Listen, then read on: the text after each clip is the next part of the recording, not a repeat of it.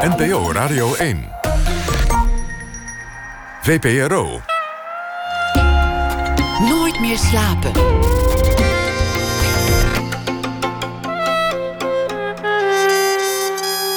Met Pieter van der Wielen. Goedenacht en welkom bij Nooit meer slapen. Over Manifesto gaat het zometeen na één uur de nieuwe film met Kate Blanchett. Over een manifest dat de kunstwereld deed schudden. Wat is er eigenlijk ooit geworden van manifesten? Sander Troelstra komt op bezoek. Fotograaf heeft een tentoonstelling in Amsterdam in uh, de Hermitage, het museum. Monier Samuel schrijft een verhaal bij de voorbije dag. Maar we beginnen komend uur met Brian Elstak. Hij is tekenaar, kunstenaar, illustrator, regisseur en nog veel meer dingen. Hij heeft uh, nu samen met Karen Amat Moekrim een kinderboek gemaakt, Tori. En dat is uh, Surinaams, voor uh, verhalen. Bij het voorlezen van zijn eigen kinderen kwam hij erachter dat er maar weinig kinderen waren, in boeken getekend althans, die ook maar enigszins op zijn eigen kinderen leken. Dus besloot hij het zelf te maken, letterlijk, want hij tekende ook aanvankelijk vooral zijn eigen kinderen. Brian Elstak is geboren in 1980. Zijn ouders kwamen uit Suriname. Hij groeide op in Koog aan de Zaan. Exposeerde in het Stedelijk Museum. Maakte videoclips voor uh, zo'n beetje elke hip-hop act van Nederland. Was een van de mensen achter het theatercollectief Made in the Shade. En later ook het uh, MC-theater. Maakte illustraties, animaties. En af en toe stortte zich ook in maatschappelijke discussies als het zo uitkomt. Brian Elstak, hartelijk welkom. Thanks. Ja, thanks. Wat leuk dat je er bent en gefeliciteerd met dit, uh, met dit prachtige boek. Met deze echt wonderschone tekeningen. Dankjewel.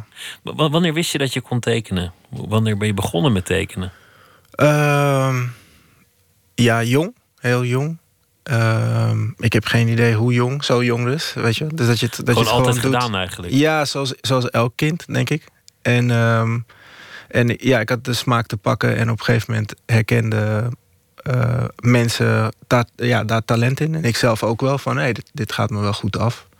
En op een gegeven moment werd dat, uh, werd dat ook um, een beetje genurtured door, uh, door een, um, een buurman die kunstenaar was. Die zag een soort van, hé, hey, dat doe je wel goed. En die gaf dan grote vellen papier of zo. Van, probeer het eens groter te maken. En die gaf tips en die gaf kleine blokjes, wat is het, aquarel en zo. En... En die kan je hier halen en dat soort tips. Dus die gaf je, gaf je het echte materiaal omdat hij zelf ook kunstenaar was? Ja, zijn vrouw ook. En, um, um, en uh, ja, dat wisten we, weet je. Je weet, je weet wat de buren doen. In die tijd nog. nu, uh, nu ken je je buren ken je, je buren amper. Maar, um, dat verschilt per, dat is per waar. flat. Dat is waar. Dat is zeker waar. Maar nee, maar dus dat was leuk. En verder mijn neef die had zijn kamer helemaal behangen met uh, Spider-Man comics. En dat was voor mij ook een soort eye-opener. Zo van wow. Dus ik heb hem gewoon straight up nageaapt. Dat ik ook een muur wijde aan comics. En ook in de nette plastic mapjes. En dat heeft me ook uh, uh, wel gevormd naast de Fun Factory van Sky Channel. En weet je, met Transformers en alles wat je daar kon zien. Um, en Cartoon Network en noem het maar op. Het kwam eigenlijk uit allerlei hoeken en bronnen wat je ja, tekende. Al mijn, al mijn kunst, uh, mijn, mijn kunstscholing was, uh, was uh, tekenfilms, comicbooks en hip-hop.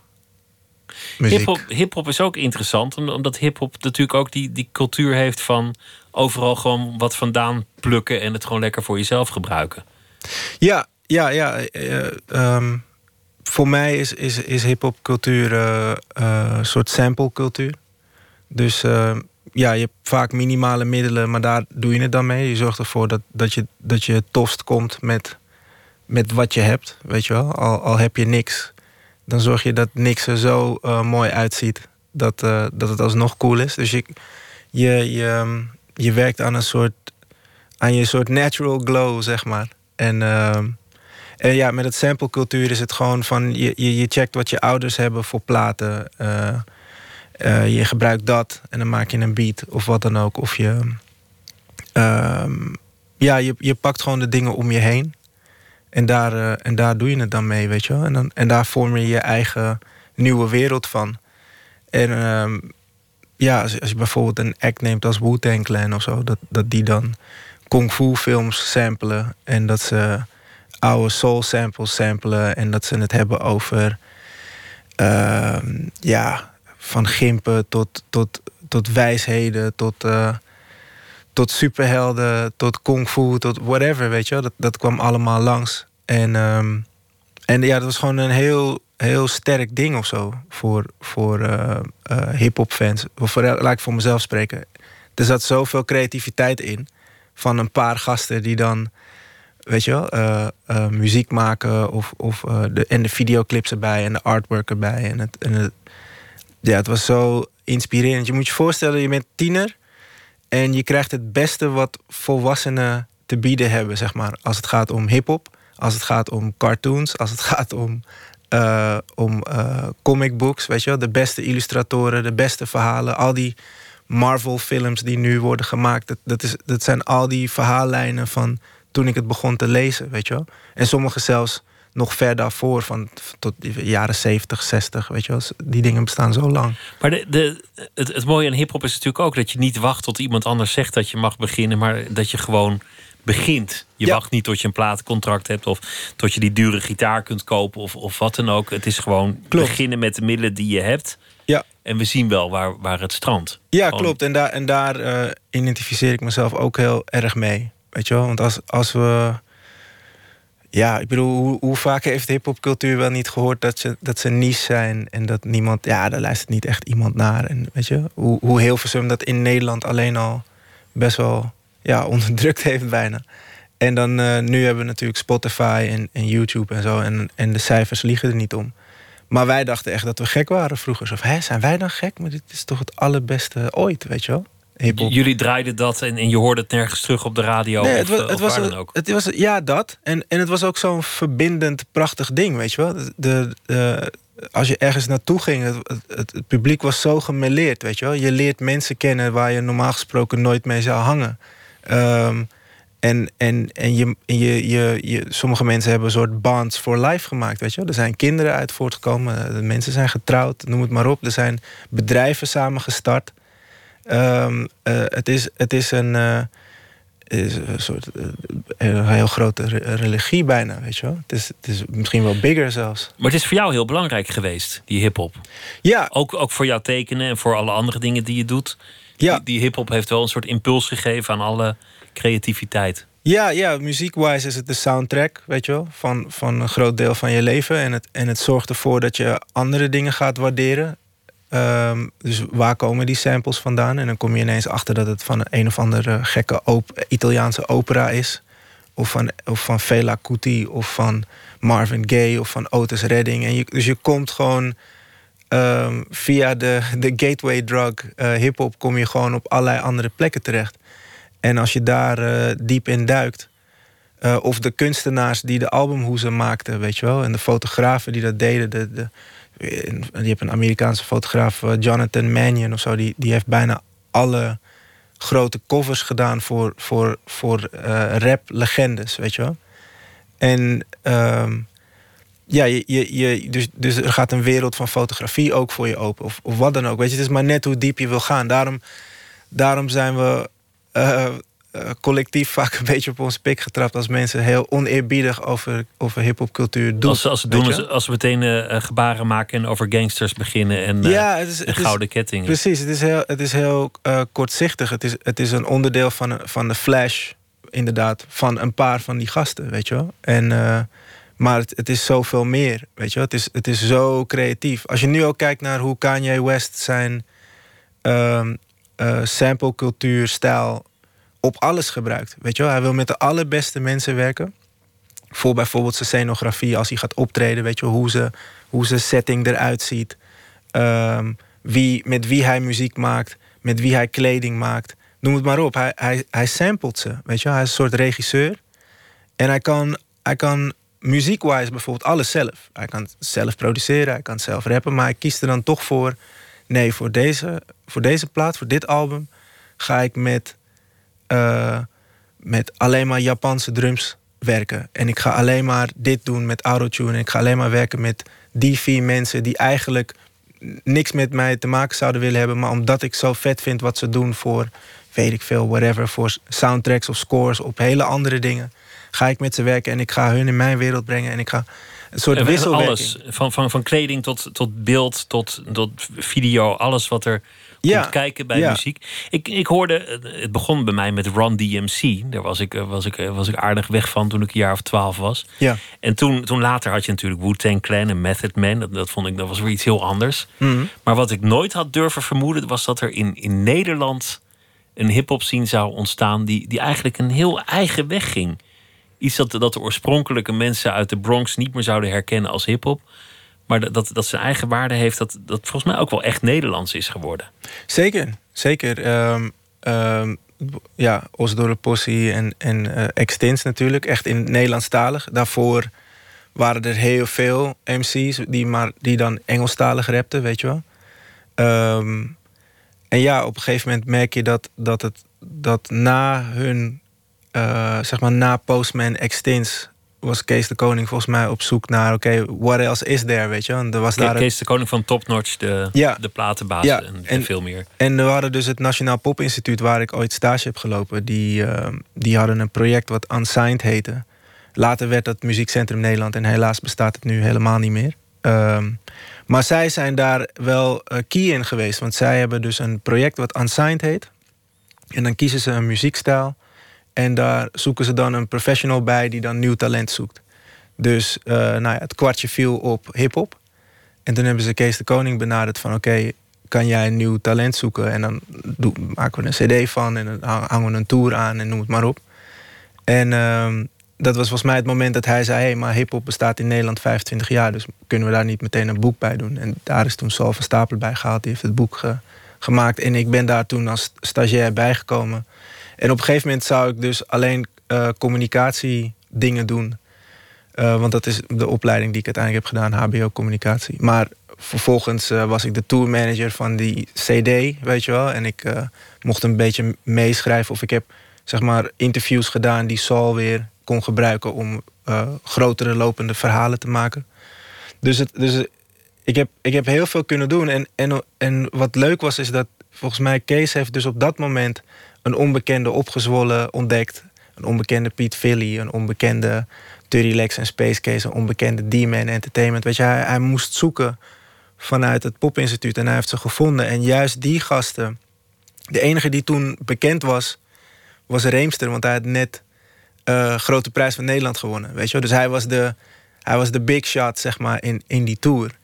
Maar voor de rest was iedereen best wel low-key. En, en juist die mensen zijn allemaal super groot geworden. Of hun vrienden zijn uiteindelijk weer via hun een soort springplank. En... Maar jij, jij was daar dus ook ergens zijt achter de schermen ja. bij betrokken. Je, was er heel, je zat er heel dicht op. Ja. Maar als ik zie voor ik was jij... babysitter op tour.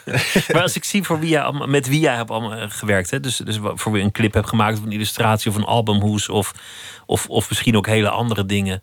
Ja. Dat, dat is eigenlijk wel gewoon een beetje de, de wie is wie van de Nederlandse hip-hop. Ja, maar dat, de, de grap is, heel veel mensen zijn dat. Heel veel mensen zijn dat. Als je, als je, als je een beetje graaft, weet je wel, dan zie je dat... Uh, oh, dat is, dat is. Karin is dat ook, weet je wel. Ik bedoel, iedereen kent Karin Ahmad Moukrim als, als schrijver van zes hele toffe boeken. Um, en dat is ze ook. Maar ik ken haar als hip-hop chick, weet je wel. Ik ken haar als, als uh, dame die, die, um, die ook in de scene zat, weet je wel. Een, een, een, um, zeg maar, de, niet de generatie, want dat klinkt heel groot. Gewoon een paar jaar net verder dan ik, weet je wel. Ik was net iets jonger. Maar, maar zij zat in die, die, in die kliek waar Dre Oerhan in zat van, van Blammo en Favela Painting. En Edson en G van Patta en Kees de Koning zat daarbij. Extint zat daarbij. Weet je, het is een beetje die generation die net, zeg ik toch generation, maar die, die groep zeg maar die net iets ouder is dan, dan ik. en ben, ben, jij ook iemand die mensen bij elkaar brengt? Ben je in die zin ook, ook een soort schakel in het netwerk? Ja, ik denk het wel. Ik denk het wel, want ik, ik uh, probeer mensen wel uh, verder te helpen. Vaak als ik gewoon weet van oké, dan moet je die hebben. Of waarom probeer je niet dat? Die vindt dat leuk, die is daar goed in, die, die zou dit kunnen. Ja, ik, ik ben gewoon heel erg geïnteresseerd in, uh, in mensen en wat ze doen. En en als ik het gevoel heb van, hé, uh, hey, dat zou goed gellen met die persoon, dan, dan ga ik niet, uh, dat niet zeggen of zo, weet je wel. Dus dan probeer ik mensen wel verder te helpen. Maar het komt gewoon voort uit een soort natuurlijke energie en enthousiasme. Ja, dat is misschien ook uh, dat hip-hop ding, weet je wel. Each one, teach one, weet je wel. Dat je gewoon elkaar. Dat, dat, je, dat je push the culture forward, zeggen ze. Dat je elkaar ziet en dan denkt: hé, hey, we gaan iets doen. Ja. Waarom ook niet? Ja, er is soms ook haat en nijd, maar ik, ik weiger daaraan mee te doen, weet je wel. Dat is niet in mijn, in mijn natuur, zeg maar. Je groeide op in Koga aan de Zaan. jouw ouders die, die kwamen uit Suriname. Ja, mijn vader is geboren op Curaçao, maar hij is, hij is opgegroeid in Suriname en hij is, kan geen mensen. Hij is gewoon Surinaams, inderdaad. Ja, klopt. Jullie, jullie woonden daar in Koog aan de Zaan, niet in, in de Belmer, waar heel veel mensen uit Suriname terechtkwamen. Ja. Dat, dat was, nou ja, oké, je komt ergens terecht. Mhm. Maar je had waarschijnlijk wel daar familie en vrienden wonen. Ja, zeker. Eh, mijn moeder is een van twaalf. En uh, er zijn uh, negen zussen van. En volgens mij bijna even nadenken. Ja, volgens mij alle negen wonen in Zuidoost, Amsterdam Zuidoost. Dus daar is een leger aan kids uit voortgekomen, neefjes en nichtjes van mij. En, uh, en dus ik was geregeld in, in Zuidoost. Volgens mij denk ik wel twee of drie keer in, in de week soms. Dus dan leer je ook gewoon de, hun vrienden kennen. En, en vooral toen hoor, vooral toen ik jonger was. Op een gegeven moment heb je gewoon je eigen leven. En dan ga je alleen terug voor uh, niet vakantie, sorry, uh, verjaardagen en zo. Maar vooral toen ik jonger, jonger was, uh, ja, was ik daar vaak. En, ehm, en het heeft mij ook, ook wel gevormd. Dat heeft, dat heeft uh, een soort Fresh Prince of Bel Air-achtig iets van dat je, dat, je, dat je ergens vandaan komt en dan een soort flavor van van e- de ene plek naar de andere uh, terugneemt, weet je Of Eigenlijk al twee plekken hebben waardoor je ook een, altijd een blik van buiten hebt op de plek waar je, waar je bent. Ja, ik ben, ik ben um, enigskind. Um, maar ik heb me dus nooit eenzaam gevoeld door, door dus die, die uh, big amount of, of kids om me heen, weet je wel. Maar ik kan heel goed alleen zijn. Dat vind ik ook fijn, af en toe. Vaak eigenlijk wel. Dus ik heb een soort, ook daarin een soort uh, best of both worlds. Dus ik kan, ik kan goed sociaal zijn, maar ik kan ook gewoon, uh, nee, ga maar, ik, ik, ik red me wel. En, um, en dan lekker tekenen? Bijvoorbeeld, ja. Je, maakte, uh, je ging niet naar de kunstacademie of, of voor, een, voor een grafische on, on, opleiding, maar je bent communicatie gaan doen. Ja. Maar je maakte wel al heel jong een tijdschrift. Ja, dat was een, een schoolopdracht inderdaad. Uh, uh, in het eerste jaar van HBO Communicatie was het dus een soort oefening van: oké, uh, je, je gaat een tijdschrift maken met je, met je groep. Uh, en daar moet je dus alle communicatieve dingen omheen doen. Dus ik, ja, dat ging van journalistiek schrijven tot vormgeving, tot fotografie, tot hoe zet je het in de markt, weet je, marketing en PR en, en al die dingen die daarbij hoorden. Dus het was een hele goede oefening. En via via kwam ik uh, dus Sal van Stapelen tegen door dat project. En, uh, en hij was heel interessant voor ons, want hij werkte bij de Nieuwe Revue en hij had eigenlijk al onze raphelden geïnterviewd. Dus waar je in de States, als je voor een, een uh, hip-hop tijdschrift zou werken, dan moet je bijna vechten om, ik zeg maar wat, een Jay-Z interviewen. En in Nederland moet je voorstellen dat het zo was van: ach, heb je weer een rapper? Hey Saul, doe jij het eens weer even, weet je wel? Dus hij had heel veel mensen geïnterviewd. En, dat, en dat, was, dat was best wel een bijzonder verhaal. En daar had niemand nog iets mee gedaan. Omdat hij dus de persoon is die de verhalen schrijft. En er worden niet per se verhalen over hem geschreven. Dus wij hadden voor dat, dat tijdschriftje hadden wij hem uh, geïnterviewd. En hij was het toen die zei... Uh, dit is tof man, jongens. Dit moet je verkopen, idee of zo. Of, of, of gooi het online, weet je Er was nog niet heel veel online. Er waren maar een, er waren maar een paar dingen. Uh, want ja, het was nog best wel pril natuurlijk. Uh, de online world. Uh, dus wij hadden zoiets van, oh ja, dat is misschien wel tof dan om het online te doen. Want dan, dan zijn we ermee bezig. Dit, dit voelt heel tof. Want ons, ons tijdschrift was dus een soort uh, platform om, om creatief talent te etaleren. En dan maakt het niet uit of je fotograaf was, of acteur, of kok, of whatever. Als je kon, dan kon het daar. Ja, en, en wat, wat, wat wel een beetje de rode draad was, dat je dus wel uh, iets met hip-hop culture had of zo. Dat, dat was wel, dat, daar kwamen we wel achter van ja, oké, het is wel duidelijk dat als we een architect interviewen, dat, die dan, dat we hem dan wel op feestjes hebben gezien, weet je wel. Dat is wel dus dat was wel een ding. Uh, maar dat zijn we dus uh, na dat project zijn we dat, uh, hebben we dat voortgezet. En dat was mixin.nl. En dat hebben we, dat is in 2000 hebben we dat echt goed opgezet. Dus dat bestaat al 17 jaar. Het is nu een soort van met online sabbatical. Maar we hebben er heel veel aan gehad. Ik ben uh, onder andere door Mixin terechtgekomen bij, uh, bij uh, Made in the Shade. dat ik hun ging interviewen, want ze waren interessant als, als club. En ik was naar een voorstelling gegaan wat Offside heette. En voor mij was dat echt een, een game changer. Het was echt een eye-opener. Van wow, als dit theater is, dan ken ik wel veel meer mensen die dit, die dit tof vinden. Als zeg maar de, die, die hip-hop cultuur ook zich kan vertalen naar theater. Ja, ja. En, um, en, en zij maken dus um, een, een voorstelling hoe, hoe bijvoorbeeld zo'n Kanye West een, een plaat zou, uh, of een, een, een, eh, zijn plaat zou maken. Weet je, Zoals hoe je net bij elkaar zei, zou samplen. de beste mensen zoeken, zoeken, denken vanuit een sfeer en een geluid en dan Ja, het gewoon waren- overal vandaan halen. Ze waren zo vooruitstrevend. Ze hadden, ze hadden ook gewoon een, een, een hele toffe technische crew die gewoon de, die, die gewoon de techniek deed, weet je wel. Maar het was heel... Dan hadden ze, hadden ze bijvoorbeeld bij Offside, die voorstelling die, ik dus had gezien... hadden ze gewoon een betonnen muur.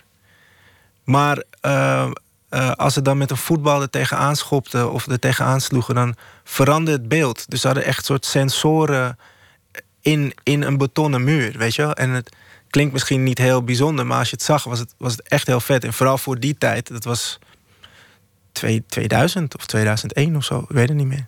Eh, Of 2000, ja, het was mij 2001. Ja, zoiets. Ik, ik kan het me wel herinneren. Ja, en toevallig kwam ik dus laatst eh eh, eh, Ruud Landvermeijer, een kunstenaar, tegen. En hij, was, hij zat dus in die kunstkliek, of sorry, in die technische kunstkliek van, van Made in the Shade, wat dus Shade Interactive heette.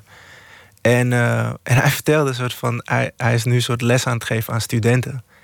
En die komen met allemaal vooruitstrevende ideeën. En op een gegeven moment kijkt Ruud me aan en zegt ze van, Brian, ik heb twintig jaar geleden bij Shade die dingen al gedaan. Weet je wel? Ik, het is gewoon oude koek, joh. Iedereen denkt dat het nu zo eh, vooruitstrevend is, maar het is zo gewoon... We've, we've been doing that, weet je wel? Stel je voor dat we nooit gestopt waren en gewoon door waren gegaan... dan waren we nu... Could have changed the world, weet je wel? En de grap is, maar Nederland... Made, Made in the Shade heeft destijds heel veel lof geoogst... en werd, werd ook wel opgemerkt als Nou, iets bijzonders. Nou, ik wist nog tijdens... eh, kwamen mensen in, in kranten echt uitleggen... Dat we, dat we er allemaal niks van begrepen. Van wat, van, van wat theater was. Oh Weet je ja? wel? Terwijl, terwijl i- de, de makers waren gewoon allemaal afgestudeerde theatermakers. En die wisten wel degelijk wat de theaterregels waren. En die hebben er ehm, voor gekozen om ook gewoon andere eh, talen erbij te halen. Weet je wel? En dat werd niet in dank ehm, eh, afgenomen altijd. Dat, dat- maar ja, dat, is, dat hoort een beetje bij, bij pionieren soms, denk ik wel. Dat je... dat, dat you get... Ja, het is een beetje dat Van Gogh ding bijna, weet je. Je krijgt de flowers when you're not here anymore, weet je wel. Een soort van, ah, hij was toch wel geweldig. Later snappen ze het als het er niet meer is. Ja, en dat is zonde. Ik wil een, eh, een nummer laten horen waarvan jij een van de clips hebt, eh, of waarvan jij de clip hebt geïllustreerd. En dat is eh, Diggy Dex met Morgen komt het goed.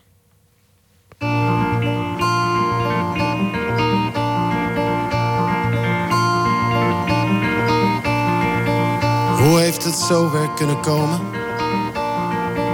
Ik was van plan me nooit te laten grijpen. Toch ben ik stiekem meegenomen. In de maalstroom van de tijd. Ik lees de krant en voel de pijn hier. Alle drama wat gebeurt. Maar denk ook, dan gaan we weer. In de cirkel meegesleurd. Vaak onderweg, maar ik ben hier als je zoekt. Als ik s'avonds thuis kom, vraag je alles goed. Het gaat oké, mijn jong, maar met de wereld even niet. Wees gerust, mijn lief, morgen komt het goed.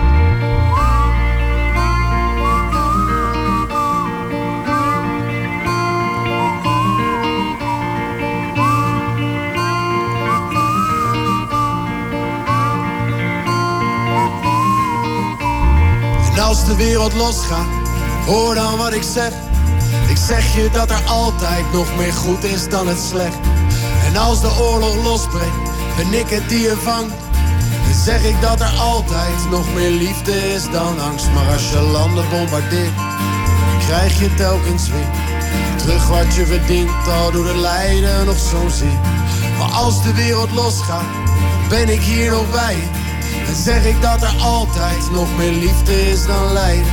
En als de oorlog losbreekt, ben ik het die je vangt.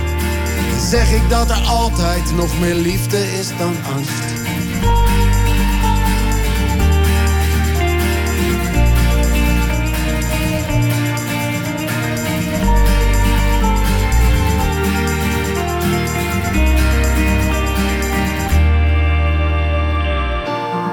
Krantenkoppen schreeuwen crisis. Ze schrijven over wij en zij. Ik tel alleen verliezers. De maalstroom van de tijd. Kijk naar mijn zoon en voel de pijn hier. Alle drama wat gebeurt. Wat zou ik doen als hij er niet meer was?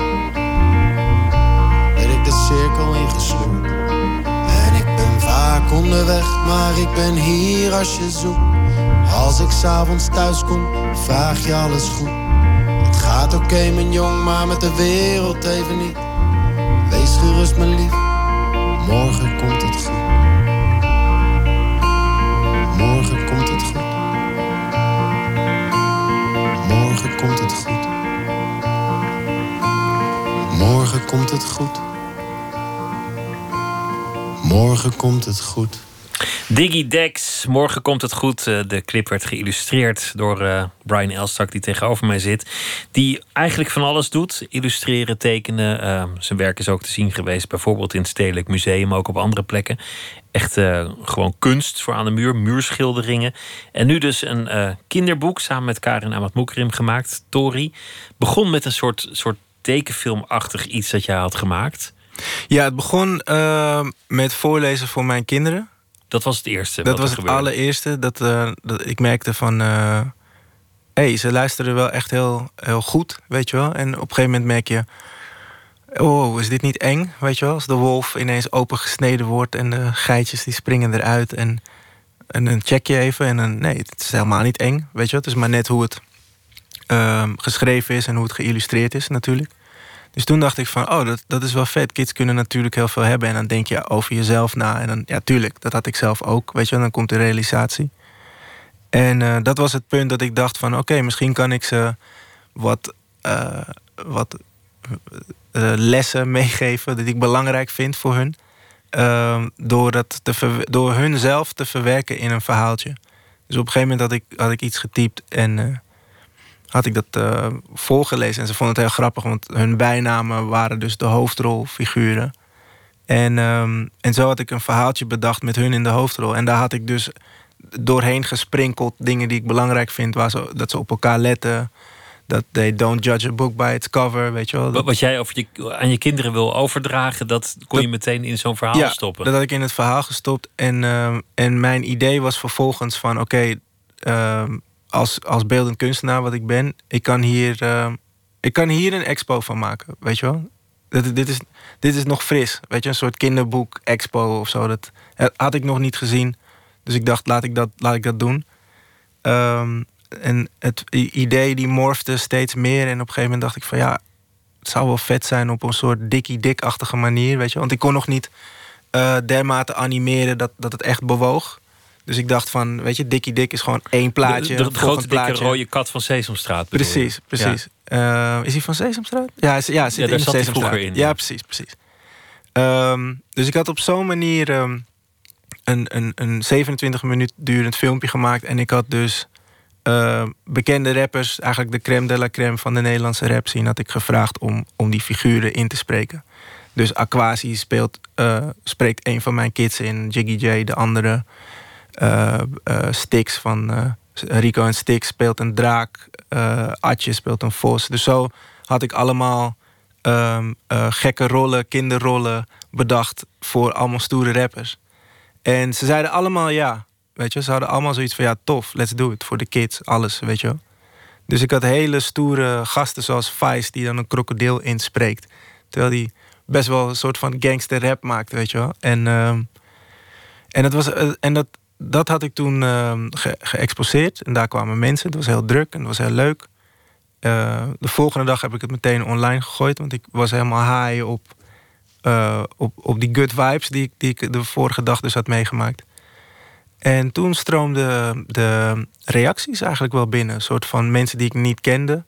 Ouders die, die filmpje, of, eh, foto's maakten van hun kids die voor een laptop zitten. Of dan hadden ze het op hun tv gezet en dan konden ze het mooi groot zien. En alleen maar positieve, leuke reacties.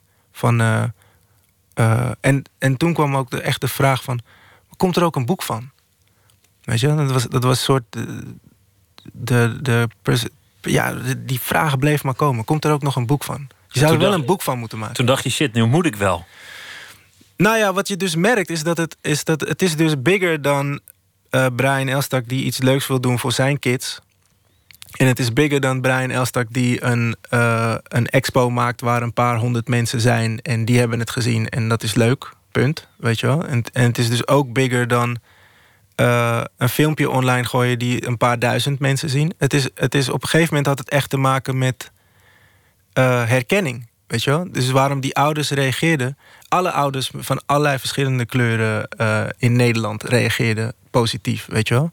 En de ene vond het gewoon tof dat eh, het een leuk avonturenverhaal was met, met rappers die het hadden ingesproken. En de andere die reageerde echt van leuk, eindelijk eh, kids die lijken op mijn kids, die een, een, een hoofdrol hebben in een verhaal. Wat goed dat je dat hebt gedaan. Omdat je, dat je kennelijk in kinderboeken weinig kinderen ziet met, met eh, zwart krullend haar of een, of een donkere huidskleur.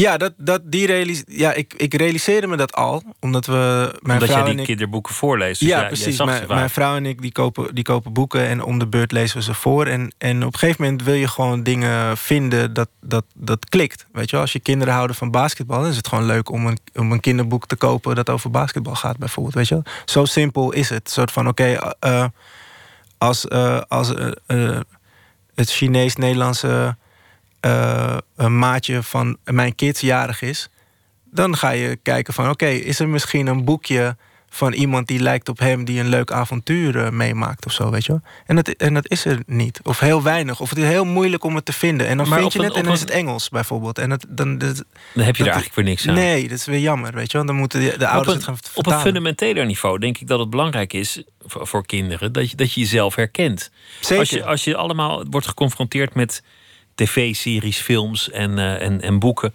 waarin je nooit iemand ziet die er zo uitziet als jij. Dat- Daar gaat toch een raar signaal van uit. Ja, ja dus daarom, eh, daarom voelde het bigger dan, eh, dan alleen, weet je, een leuk projectje voor mijn gezin of zo. Het, het voelde op een gegeven moment voelde ik wel van oké, je hebt nu iets.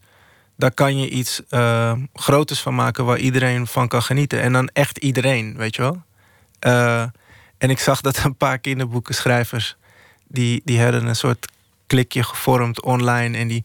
Oh, er staat... eh, moet je kijken wat Dasmag heeft gedaan. Eindelijk een kinderboek voor iedereen. Oh, dus wij deden het niet goed. En het is zo flauw, weet je wel. Het soort van, je weet... Ze weten wat we bedoelen, weet je wel.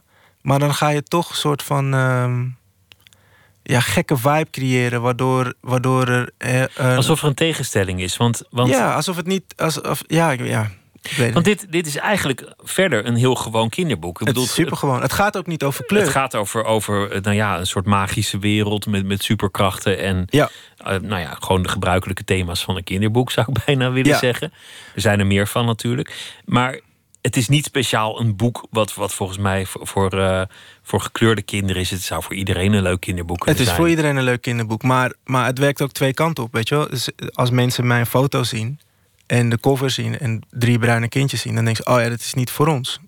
Weet je wel, dat is niet voor mijn kids. Zo, kun- zo kun- kunnen mensen ook denken. En dat wil je ook niet. Daarom hebben we dus ook gezegd van... nee, nee, nee, het is... Want dat is dus het ding. Als je als, als zwarte maker soms iets maakt...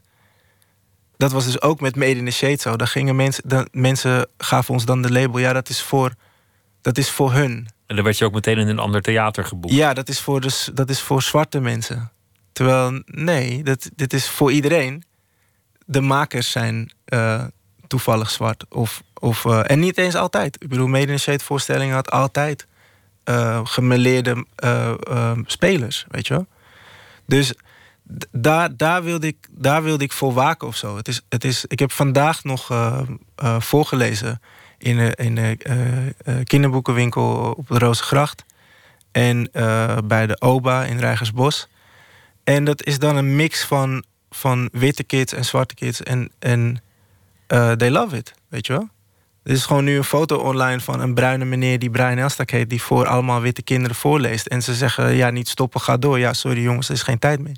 Robert Vuistje schreef erover dat hij het aan zijn kinderen voorlas.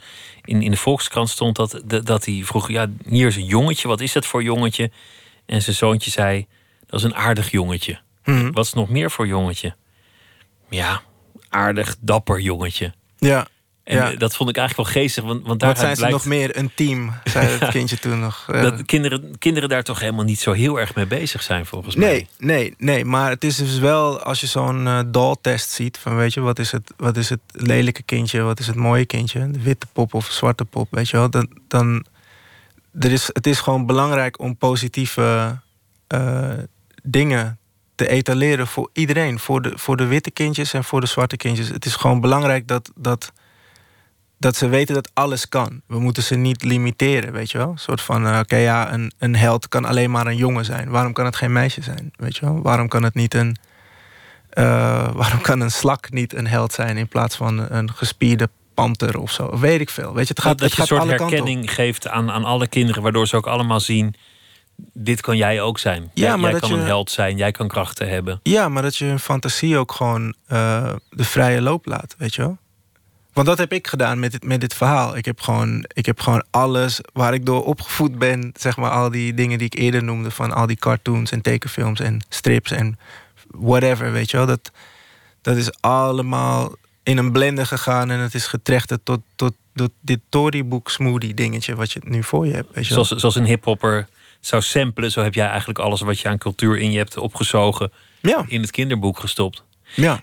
Wat ik interessant vind in jouw werk is dat je af en toe eh, geëngageerde dingen maakt. Illustraties bij. eh, het, het is de- deze maand de, de, de maand van de. Hoe noemden ze het? De zwarte verdiensten? Of van de. Van de Oh, eh, Black Achievement. Black Achievement. Ja, Ja. Dus, dus mensen die belangrijk zijn geweest in de geschiedenis, maar niet altijd de aandacht hebben gekregen. Mhm. Jij maakte daar de illustraties bij. Bij, op de correspondent, ja. Ja, je, Ja. Hebt, je, hebt, je hebt eens een filmpje gemaakt over Sinterklaas en Zwarte Piet. Mhm. Dat, dat doe je dan met heel veel humor en, en eigenlijk ook zachtaardigheid. Het, het, is, niet, het is niet op een eh, felle, polemische manier discussiëren, maar je meent je er wel in. Ja. Met hart en ziel, maar je doet het eigenlijk altijd op een, op een soort vrolijke manier.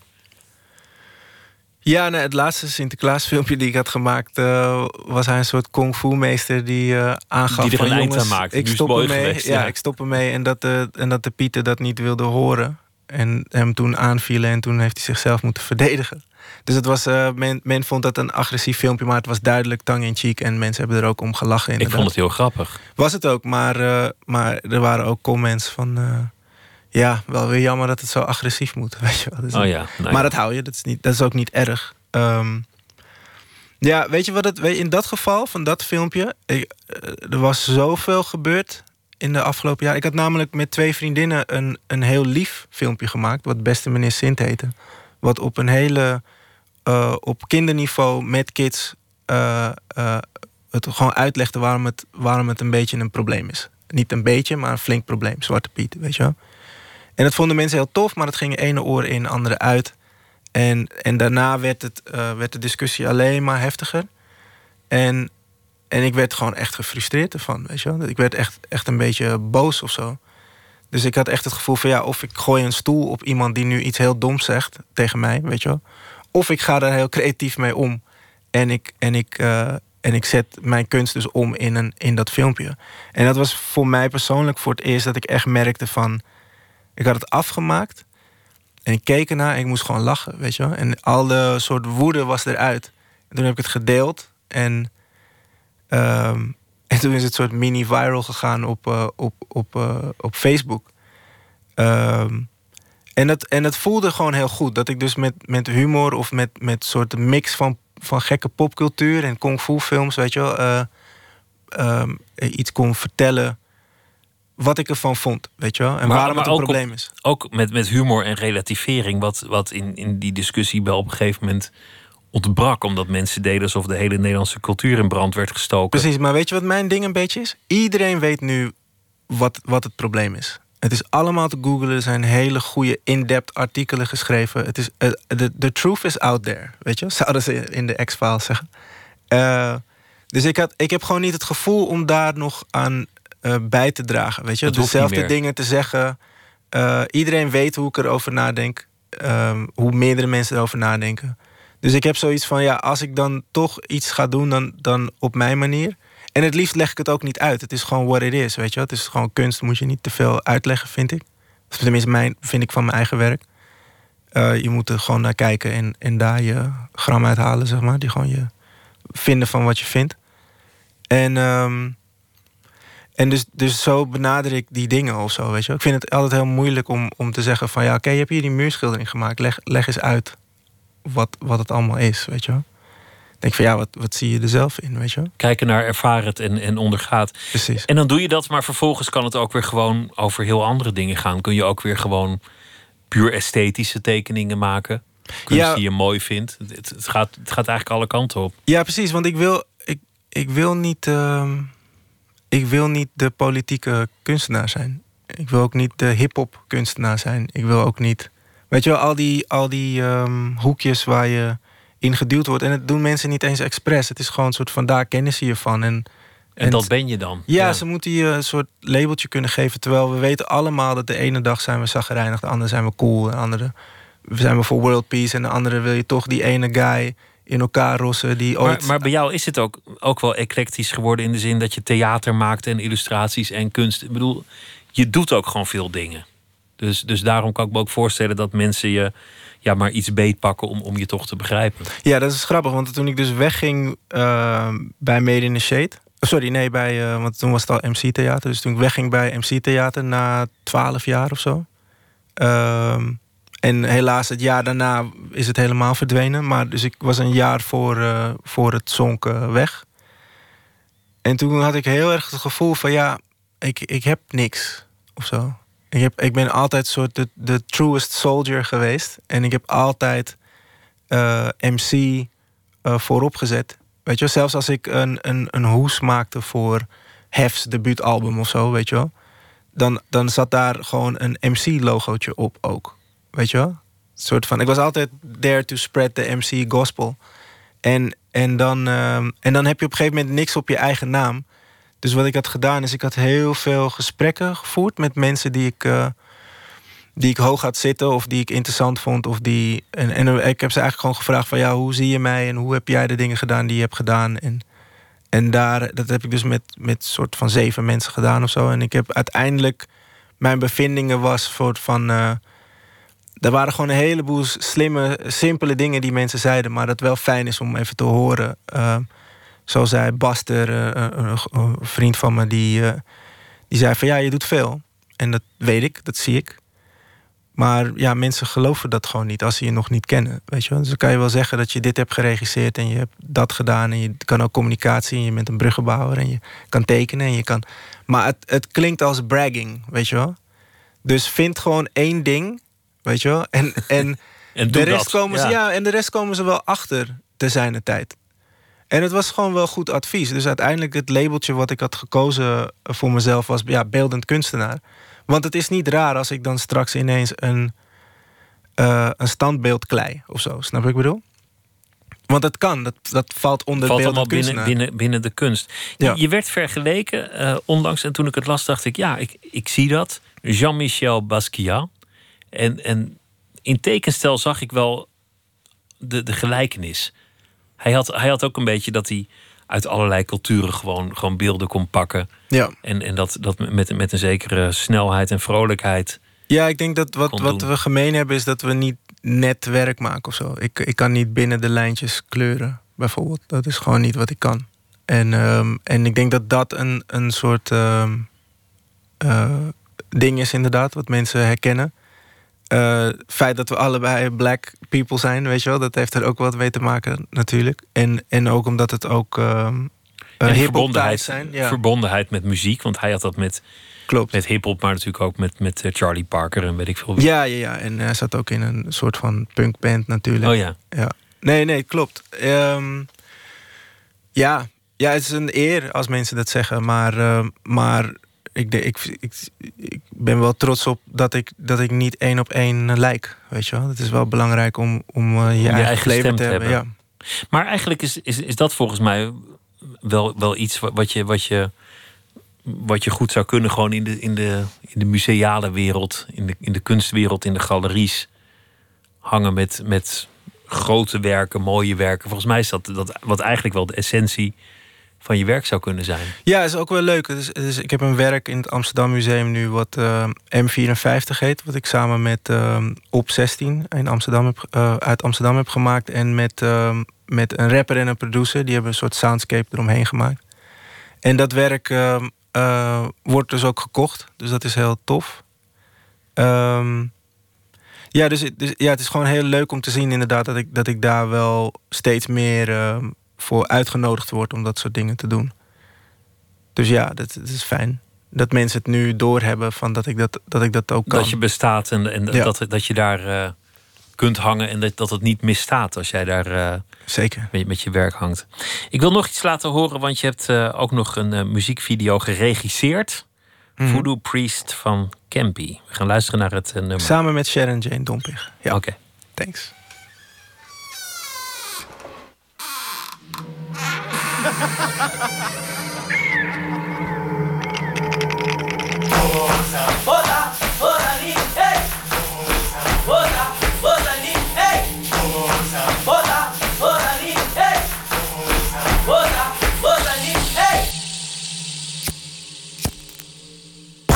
Ik smoke wat sigaras met de voedelpries. Ik zeg gewassen negen op, poppies willen beef. Fuck een nigga binnen OG. Nu je dubbel OP, na BGP. Ik smoke wat sigaras met de voedelpries. Ik zeg gewassen negen op, poppies willen beef. Fuck een nigga binnen OG. Nu je dubbel OP, na BGP. Was a joker since a young boy.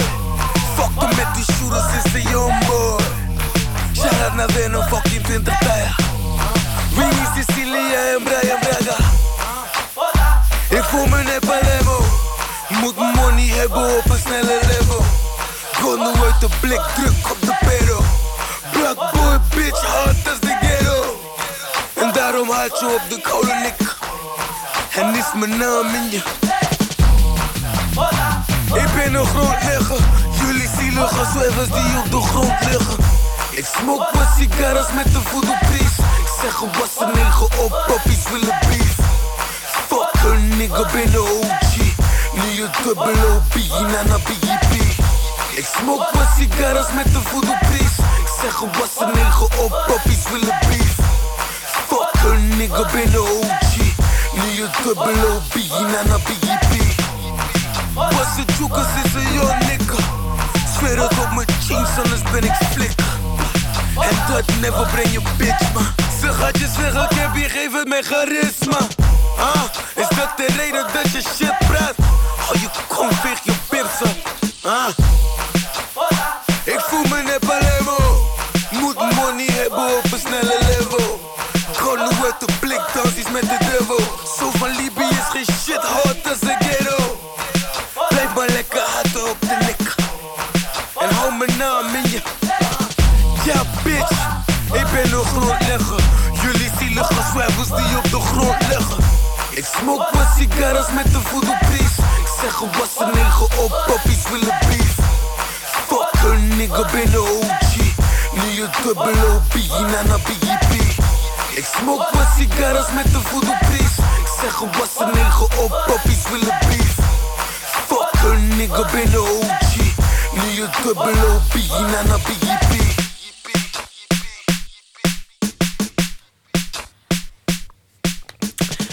Voodoo Priest van uh, Campy en uh, Brian Elstak, die tegenover mij zit, die heeft daarvoor uh, de muziekvideo geregisseerd. Ja, dat wist Campy niet trouwens. En dat wist hij ook niet? Nee, we wilden dat gewoon doen. en we dachten van ja, als we, als we dat gaan zeggen tegen ze, dan krijg je restricties of zo, weet je. Of dan wil Campy er zelf heel graag in, of noem het maar op. We hadden zoiets van... Ik, ik vond dat Campy, de, de clips toen die hij had, dat waren allemaal Campy op de blok clips. Dus dat hij gewoon staat zelf en... En, en ik wilde heel graag uh, met Sharon Jane iets anders doen. We hadden toevallig een, een groepsexpo gedaan dat Doevoe heette in Rotterdam. En dat speelde al een beetje met, met het hele. Uh, met, met soort die voodoo-esthetiek, zeg, noem het maar zo te noemen. Dus, uh, dus we, we, zaten nog in die high, zeg maar. En we wilden dat dan nog soort van vertalen naar, naar een clip. En, en deze, dit vond ik de beste track ook nog van dat album van Campy. Volgens mij is het tweede album. Uh, en ja, dan hebben we het gedaan. En we hebben gewoon wat toffe dames gevraagd om, om ons te helpen met het maken ervan. Maar jij hoeft, jij hoeft geen eer, geen credit. Jij vindt het niet erg als iets achter de schermen is, als, als niemand ooit weet dat het van jou kwam. Nee, dat heb ik dus heel lang gedaan, weet je wel. En, dat, en daar ben ik gewoon prima mee. Dat heb ik dus heel lang bij Made in the Shade gedaan en bij, bij MC. Het was altijd een group effort, weet je wel. Terwijl, is heel duidelijk, mijn handschrift was heel duidelijk te zien in... Als je, als je nu ziet wat ik doe en dan terugdenkt van, oh ja... Dat was hij, maar, maar ja. dat applaus heb je niet nodig. Daar gaat het je niet om. Nee, want, want, want het was een... Um, ik, ik, kijk heel graag altijd naar de, naar de, de bigger picture of zo, weet je wel. Dus uh, if we all win, we all win, weet je wel. Dat, dat is een beetje hoe ik erin sta. Um, dus ik vind het, ik vind het, um, ik vind het belangrijk om, om, om, uh, om mee te helpen. Ik heb wel vaker gezegd in, in interviews en zo... Dat ik, dat ik mezelf soms als een soort domino-steentje zie, weet je wel. Uh, je helpt mee. Als jij valt, dan valt de rest ook. En dan, en dan gebeurt er iets uh, bijzonders, weet je wel. Maar als je mij weg zou halen of iemand anders weghaalt een, paar meter verder, dan valt het misschien niet zo mooi, weet je wel. Dus ik, dus ik zie mezelf meer zo van. Um, of als een schakel in een keten. Ja, precies. Misschien is dat beter gezegd, inderdaad. Um, en, ja, dus iedereen is even belangrijk of zo, weet je. Dus ik, dus ik, dus ik maak me geen illusie van. Ik heb echt, echt moeite met, uh, met, met uh, mezelf neerzetten soms, weet je wel. Of, of gewoon over mezelf praten. Of uh, misschien denken mensen, nou, je, lult heel veel. Dus dat geloof ik niet. Maar uh, nee, als, ik, als ik bijvoorbeeld een biootje moet schrijven of zo, dat, ja, voor mezelf, dat, dat lukt never. Maar, maar nu het succes komt geleidelijk aan, hoe vind je het dan als, als je in een museum staat of in een galerie en, en mensen staan daar ineens plechtige dingen over jouw werk te, te zeggen die, die aan de muur hangen. Ja. En, en dan wordt er toch iets om jou heen gecreëerd, of je dat nou wil of niet. Dat, dat, dat gebeurt gewoon. Dat is een, er, er komt een soort uh, ja, ik snap het wel. elan omheen. Ja, ik snap het wel. Want ik heb het natuurlijk zelf ook gedaan bij anderen, weet je wel. soort van, en dit is waarom ik deze persoon belangrijk vind. En daarom moet hij de vormgeving doen van... of daarom moet hij of zij de fotografie doen... of daarom moet die de clip maken. Weet je, dus ik, dus ik, ik champion mensen heel graag. Dus ik weet waar het vandaan komt. En, um, en dus het is gewoon, ik zie het echt als een eer, weet je. Het is echt een soort van, oké, mensen zien mij dus nu ook zo. En hetzelfde maar, als... maar voel je je thuis in, in, een, in een stedelijk museum? Of, uh... Jawel. Jawel. Ik vind dat ik daar thuis hoor. Maar voel je het thuis? Ik bedoel, want je, je komt uit, een, uit, uit de hip-hop scene, waar, mm -hmm. waar, waar toch een heel andere manier van werken heerst. Dan, dan, dan wanneer je ineens in die, in die serieuze kunst, kunstwereld terechtkomt. Ja, maar, maar, maar de hip-hop scene is nu de, gewoon de scene. Weet je wel? Het is nu gewoon de, de, de main thing. Weet je wel? Als je kijkt naar de Spotify-cijfers en de. En, en de, en de uh, en wereldwijd, hè? En ook in en wie, Nederland. Wie de grote sterren zijn, wie de zalen ja, uitverkopen, et cetera. Ja, wie, wie, wie verkoopt de Ziggo Dome uit? Weet je? Dat zijn Rico en Stix en dat zijn Typhoon en dat zijn, weet je wel, dat, dat zijn. Um, we zijn nu gewoon high culture. Dus het is about time dat mensen dat, dat inzien, weet je wel. People have been slacking, weet je wel. Dus het is... Dus tuurlijk hoor ik uh, in stedelijk. En dat is niet arrogant uh, bedoeld. Ik, ik zie mezelf als, als uh, onderdeel van, van velen. Er horen veel meer mensen in het stedelijk. En het is geen aanval naar het stedelijk. Want ik, ik ken nu flink wat mensen bij het stedelijk. En ik zie ze ook dingen proberen. En ik zie ze ook dingen doen om, om, om die change mogelijk te maken. Dus, um, uh, en dat geldt voor veel uh, instellingen, weet je wel. Dus het is ook niet, ik geloof ook niet van uh, steeds herhalen dat, dat het allemaal niet verandert als je ziet dat het wel verandert. Weet je dat volgens mij heel snel verandert. Nou, snel. We've been nou, here sinds de jaren twintig of zo. Nee, maar ik bedoel, als je, als je het hebt over de laatste vijf mm -hmm. jaar, ja, dan, dat dan, wel. Dan, ja. dan, dan, dan, zie ik toch wel gewoon echt dat, dat, dat het heel, heel snel gaat. Dat heel veel mensen nu, mm -hmm. nu eindelijk die beweging zien waar ze, waar ze naar zochten. Ja, ja, ja, fijn. Eindelijk, weet je wel. En het, en het is ook een beetje. Uh, uh, ja, dat, dat hip-hop van oké, als je het niet wil, dan, dan doe ik het lekker zelf. Dat vinden mensen spannend, weet je wel. Dat is een soort van. Je wil toch met. Je wil liever met de stoere jongens hangen die, die helemaal eigen zijn en die cool zijn. Dan. dan uh, ja, de same old, same old ding doen hoe het altijd al geweest is, weet je wel. Dus, en dat, dat representen we, zeg maar, als, als hip-hop zijnde. We zijn een beetje de. Ja, de, de, de, de, makers zijn cool, weet je wel. De, de, de kunstenaars zijn cool. Ze, maken, ze, ze, ze halen verschillende, ze samplen verschillende dingen. Ze samplen klassieke kunst met nieuwe dingen. En, dat, en, dat, en daar komen nieuwe vormen uit. En dat is spannend. Dat, dat moet je juist uh, willen vastleggen, weet je wel. Als je nu kijkt naar Keith Haring, die, die, uh, dan komt weer uh, oud werk wat hij had gemaakt voor het stedelijk, wordt dan nu binnenkort weer daar opgehangen. Ja, dat is super vet, weet je wel. Dat is super vet. Dat, uh, toen was hij, hij was toen al hot, weet je wel. En, hij heeft een graffiti background, weet je wel. Hij, hij heeft hij heeft zoveel toffe dingen gedaan in, in hip-hop culture en, en, in de, en in de ballroom scene en noem het maar op, weet je wel. Als, als, als, als gay man en kunstenaar en, en met, weet je, met Grace Jones en alles wat hij heeft gedaan. En dan nu um, is hij super. Het is echt een big deal dat dat werk weer komt te hangen, weet je wel. Voor iedereen, voor jong en oud. En dat, uh, en dat is leuk om te zien, want dan, dan zie je die mix die uh, theaters en musea zo graag wil. Van jong en oud door elkaar. En dat je weet dat jonge mensen zullen blijven komen als je dat soort dingen doet. Gelukkig, weet je wel. En het is ook altijd de spanning die, die elk museum heeft gezocht. Of het nou Picasso was die straatarm op Montmartre op zolder zat te schilderen. Of uh, Keith Haring of Basquiat. Die, die, ja, Mhm. die, die ontdekking van iets van wat van buiten komt. Dat nog een soort versheid heeft. Ja. Nog niet aangeraakt door bureaucraten en kapitaal.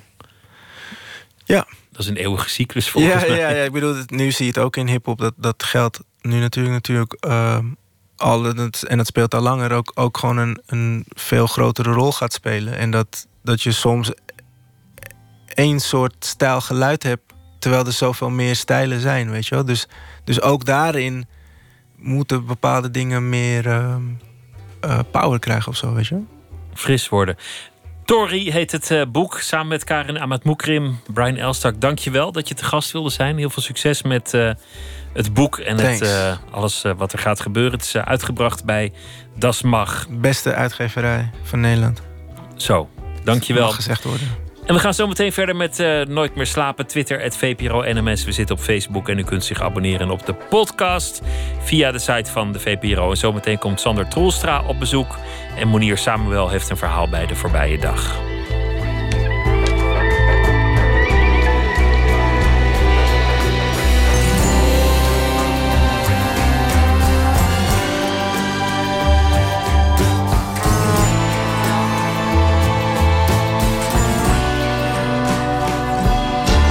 Op Radio 1.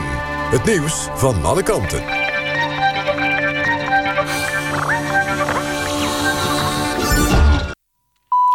1 uur, Jan van der Putten met het NOS-journaal. De vriendin van de schutter in Las Vegas heeft geen idee... waarom haar vriend zondag een mensenmenigte onder vuur nam. De vrouw zat in de Filipijnen en is bij terugkomst in de VS... urenlang ondervraagd door de FBI. Volgens haar advocaat heeft ze gezegd dat haar vriend nooit iets had laten blijken... dat hij iets verschrikkelijk van plan was. Ze noemde de schutter, Steven Paddock, een zorgzame, rustige man. Bij de beschieting in Las Vegas kwamen 58 festivalgangers om het leven. Meer dan 500 mensen raakten gewond. De dader pleegde zelfmoord. De lerarenstaking in het basisonderwijs gaat vandaag door... ondanks berichten dat er meer geld komt. In Den Haag worden 30.000 leraren verwacht... voor een protestbijeenkomst in het Zuiderpark. Die begint om half twaalf. Onderwijsbond AOB verwacht dat door de staking 7000 scholen dicht blijven. Volgens berichten willen de formerende partijen bijna een half miljard euro extra uittrekken voor het verlichten van de werkdruk in het onderwijs. De actievoerders willen bijna anderhalf miljard erbij. De Spaanse regering heeft afwijzend gereageerd op de televisietoespraak van de Catalaanse regeringsleider Puigdemont. Die riep Madrid op tot dialoog, maar zei ook dat de plannen voor onafhankelijkheid doorgaan. Volgens de Spaanse regering van premier Rajoy moet de Catalaanse leider eerst de wet respecteren voor er kan worden bemiddeld of onderhandeld. Zondag koos het grootste deel van de Catalaanse stemmers in het referendum voor onafhankelijkheid. Verwacht wordt dat het Catalaanse parlement maandag eenzijdig de onafhankelijkheid uitroept. Joep Henkes wordt opnieuw trainer van Bayern München. Volgens de Duitse krant Bild wordt hij de opvolger van Carlo Ancelotti... die vorige week werd ontslagen. Het is de vierde keer dat Henkes Bayern München gaat trainen. Drie keer werd hij met de club landskampioen. Dan is weer nog vannacht en in de ochtend in het hele land regen. Het wordt ochtends onstuimig, met aan zee kans op storm. Voor het Waddengebied geldt code oranje. Later minder wind en wat zon en het wordt 12 tot 15 graden. Dit was het NOS Journaal. NPO Radio 1. VPRO. Nooit meer slapen.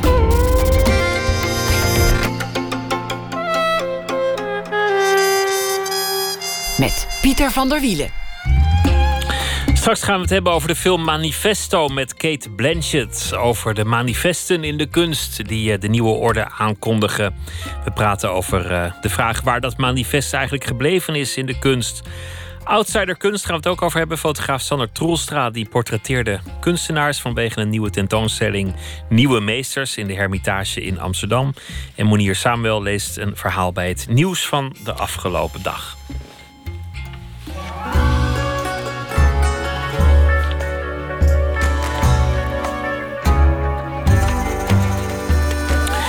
Komende dag vindt het eh, museumcongres plaats. En aan het eind van de middag wordt iemand uitgeroepen tot Museumtalent 2017. Er zijn eh, vier genomineerden en één daarvan heb ik nu aan de telefoon. Imara Limon, zij is curator bij het eh, Museum Amsterdam. Goedenacht. Goedenacht, hallo. Gefeliciteerd met de nominatie. Een spannend moment, kan Bedankt, ik me voorstellen. Ja, heel spannend. Laten we beginnen bij het eh, begin. Wat, wat, voor, wat voor beeld had jij vroeger van musea toen je, toen je jong was? Nou ja, vroeger ging ik zelf niet zo vaak naar musea. Ehm, dus ik had, een, ja, ik had een beeld van ja, een grote zaal waar je dan hele mooie schilderijen zou zien. Ja, Dat? niet meer dan dat. Maar toch ging je er niet naartoe. Nee, ik ging er niet naartoe. Nee. Hoe kwam Nee. dat? Ha- Had je het idee dat het niks met jou te maken had? Of, of eh, had je gewoon andere dingen te doen? ik denk dat ik andere dingen te doen had.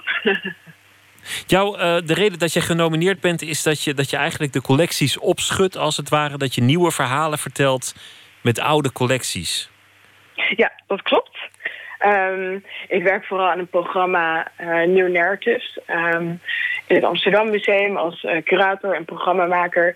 En in dat programma kijken we eigenlijk naar collecties, doen onderzoek samen met mensen naar ehm, de verhalen die er verteld worden. En we stellen ook de vraag: is dit een verhaal dat je aanspreekt? Eh, kan je er iets mee? Vind je het interessant? Vind je het leuk? Is het ook jouw verhaal? Want de, de, de bevolking verandert, de tijd Ja. verandert, mensen willen andere verhalen horen, de, de kijk op het verleden verandert, al dat soort dingen. Is, is dat makkelijk om dat met de oude collectie te vertellen? Ja, de collectie heeft natuurlijk ook een geschiedenis. Er is een reden waarom ehm, bepaalde voorwerpen wel zijn bewaard of niet zijn bewaard. En je ziet ook dat die geschiedenis echt bepaald wordt door, ehm, ja, door een bepaalde groep mensen, door rijke mensen, door mensen die daar de macht voor hebben. En eh, ja, als je vandaag dan verhalen wil vertellen aan een heel breed publiek en samen met heel veel mensen, ehm, hoe maak je dat dan ook relevant voor hen? Want als het dan heel ver van je bed staat, dan denk je misschien niet, nou, daar moet ik ook eens naar kijken. Ehm, dus dat proberen we heel erg te doen. Al jaren is het museum daarmee bezig. En ehm, daar het afgelopen jaar ook aan meegewerkt. Ehm, met heel veel nadruk juist ook op de, ja, de multiculturele samenleving. Want eh, vorig jaar maakte ik de tentoonstelling Zwart Amsterdam eh, samen met mijn collega's. En daarbij ging het om zwarte rolmodellen. En toen dachten we ook, ja, hoe vertel je dat dan? Want welke voorwerpen in de collectie kun je daarvoor gebruiken? Of heb je er juist ook nieuwe voorwerpen voor nodig? Hoe, hoe doe je dat? En eh, wat vinden mensen interessant om te zien? Eh, dus de vraag is ook echt, wanneer eh, herken je jezelf in een museum? Gaat het dan om voorwerpen, verhalen? Ehm, en welke verhalen worden eigenlijk nog niet zoveel verteld?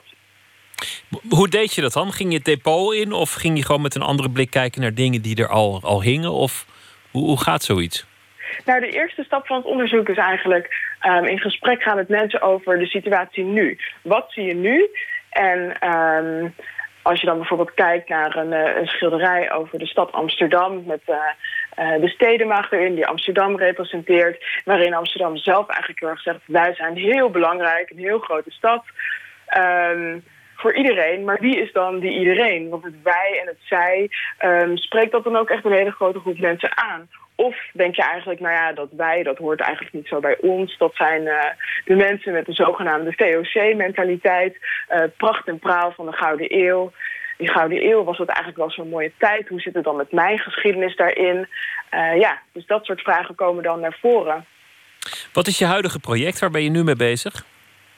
Nu ben ik ook bezig met een ander project met de Black Archives in Amsterdam-Oost. Dat is een heel bijzonder archief over de geschiedenis um, van ja, de Vereniging Ons Suriname... maar ook juist een emancipatiestrijd van, um, die zich niet alleen in Nederland... Um, die niet alleen in Nederland was, maar juist ook in Amerika en wereldwijd... En die geschiedenis die kennen eigenlijk heel weinig mensen. En dat is heel jammer, want het is een bijzonder verhaal... ook voor mij persoonlijk, met een Surinaamse achtergrond. Uh, ja, ik dacht echt van, oh, zo zit dat dus met die geschiedenis van mijn familie. En niet alleen maar het slavernijverleden en koloniaal verleden... maar juist ook gewoon de betrokkenheid bij verhalen... die vaak worden gezien als een zogenaamd wit verhaal, zoals het communisme... En die verhalen vertellen, en dat wordt uiteindelijk ook een uh, tentoonstelling in de toekomst. Ja. Yes. Maar eerst uh, morgen de uitreiking van uh, de prijs voor Museumtalent 2017. Ik wens je heel veel succes. Ja, en, en een leuke dag natuurlijk ook. Dankjewel. Goeienacht, Imara Limon.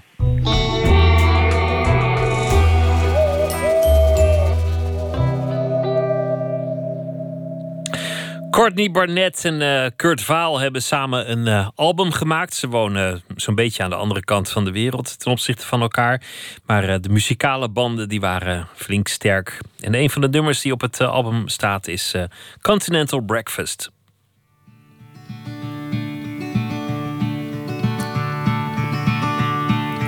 One, two, three, four.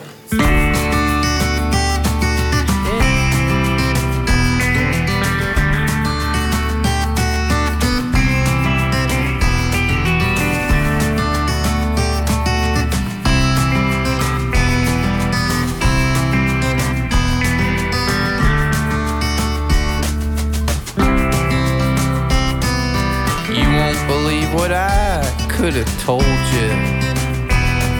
But I don't believe I've the balls to let you know. I can say that cause I'm a man. But I feel like a little boy today. I cherish my intercontinental friendships. We talk it over continental breakfast in a hotel in East Bombay, wherever. Somewhere on the sphere around here.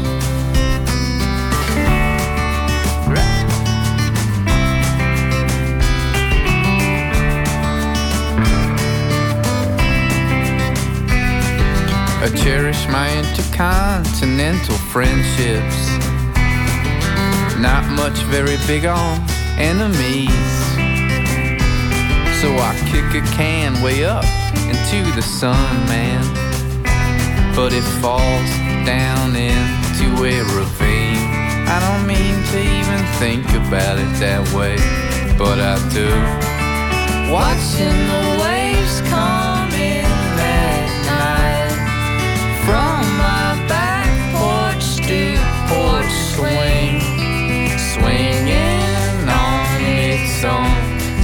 just an inhabitant of some Holy Ghost.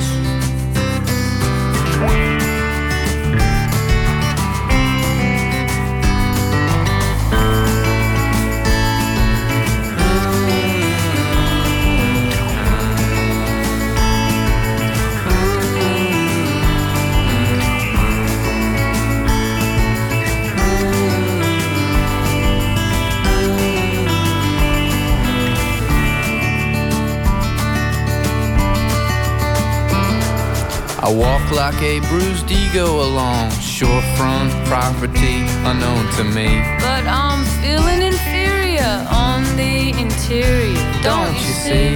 Guarded and sentimental. And after all, it's just a rental. Like better luck performing telekinesis on a priestess. You won't believe what I might have, could have told you. But I wouldn't wanna leave you tripping out over it. Okay, more so me, but. Or just me.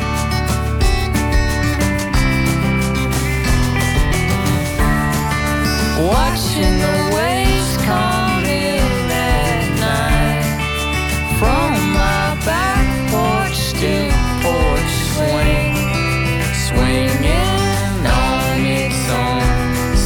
just an inhabitant of some Holy Ghost.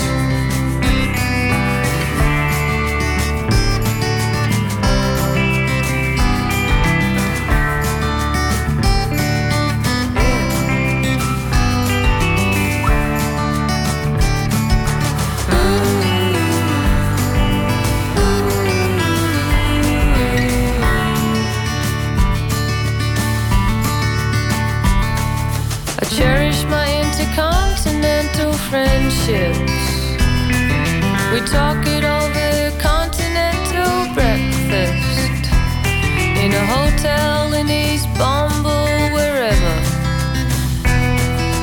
somewhere on the sphere around here.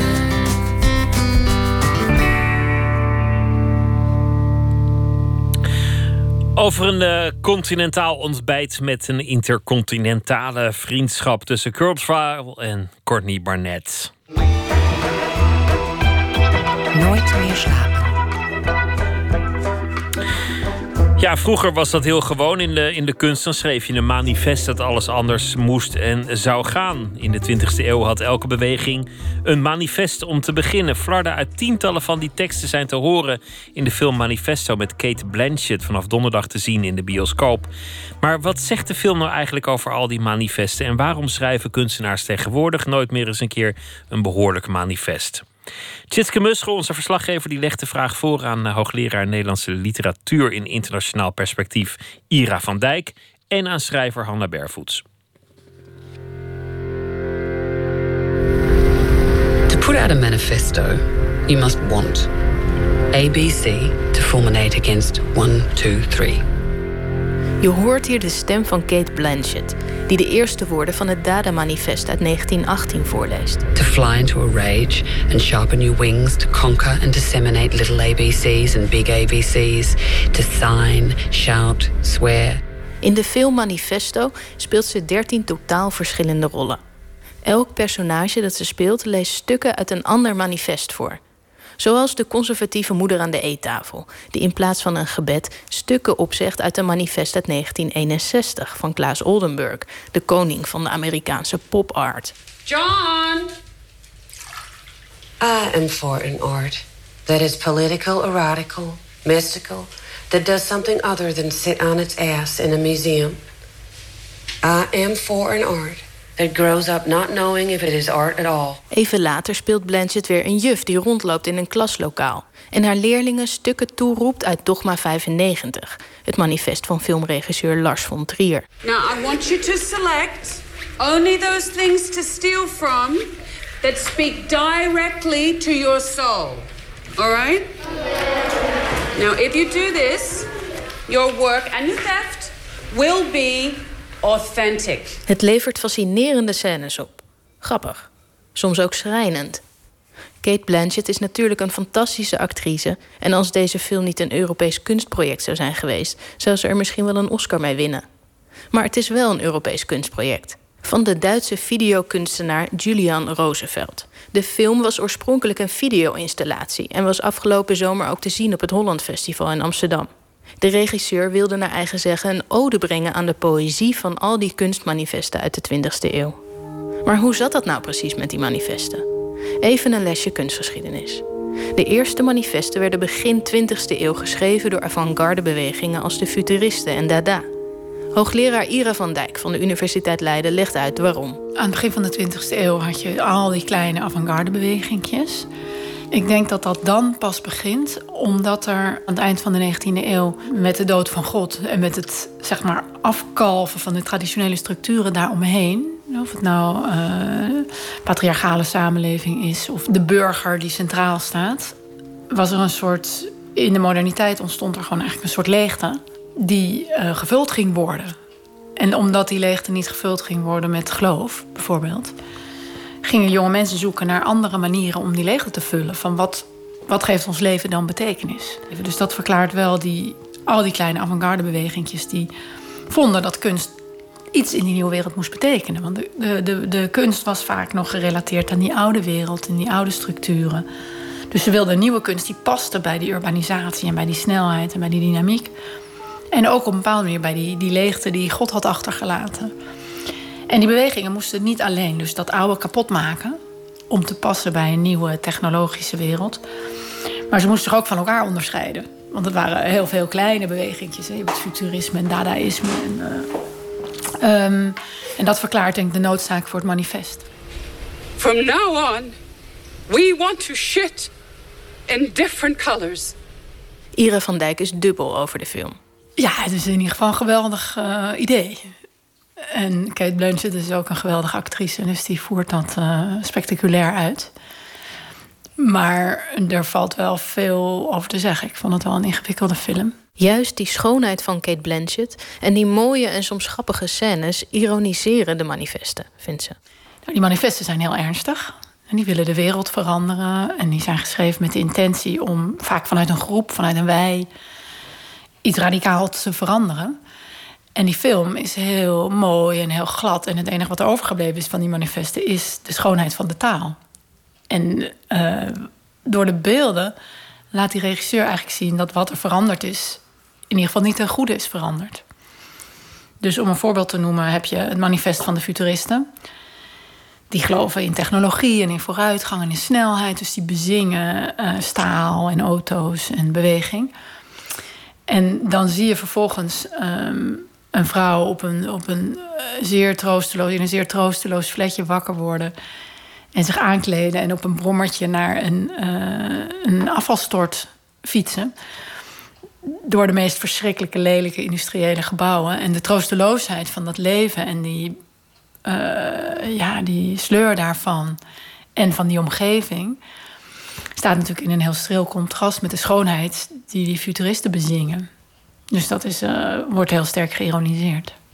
Aan de andere kant, wat ik er wel mooi aan vond, is de repetitie daarvan. Dus je ziet steeds weer nieuwe manifesten. En dat er steeds weer nieuwe groeperingen komen die met evenveel vuur en evenveel schoonheid en evenveel prachtige woorden alles weer willen omgooien. Dat is op een bepaalde manier hoopgevend. Maar hoe is dat nu? Zijn er nog kunstenaars die zich verenigen en alles willen omgooien? Ik vraag het schrijfster Hanna Bervoets. Zij dook afgelopen verkiezingen op in een filmpje van GroenLinks. En in haar romans houdt ze zich bezig met de toekomst. Toch schrijft ze geen manifesten.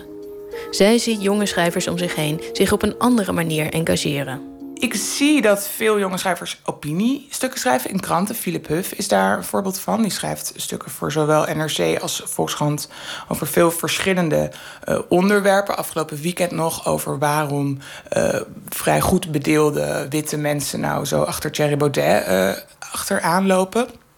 Uh, Alma Matthijssen doet dat, schrijft ook voor de NRC weer wat meer stukken over feminisme, over racisme.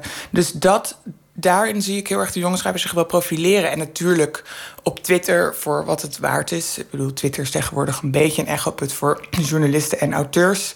Uh, aan het worden. Maar daar zie ik ook veel jonge schrijvers zich roeren over dingen die zij uh, belangrijk vinden. En ook vaak politieke kwesties, wereldpolitiek, die zie ik daar allemaal wel um, voorbij komen. Dus daar zie ik zeker een grote betrokkenheid. Maar niet meer als beweging, als een, in een wijvorm?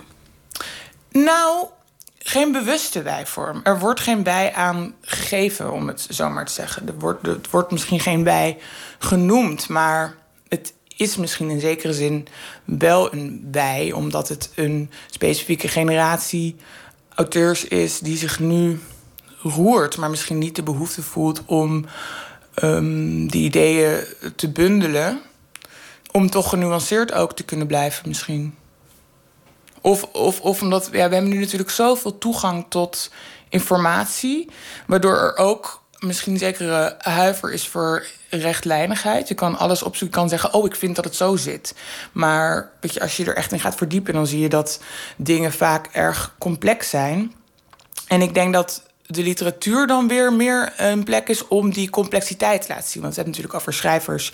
Um, ja, ze zitten op Twitter, maar wat we natuurlijk vooral doen is romans uh, schrijven. En er is wel eens discussie over van, moet er nou meer straatrumoer in? Wat is nou engagement? Is het engagement als je zelf betrokken bent bij personage? Of is het engagement als je een verhaal schrijft over vluchtelingen?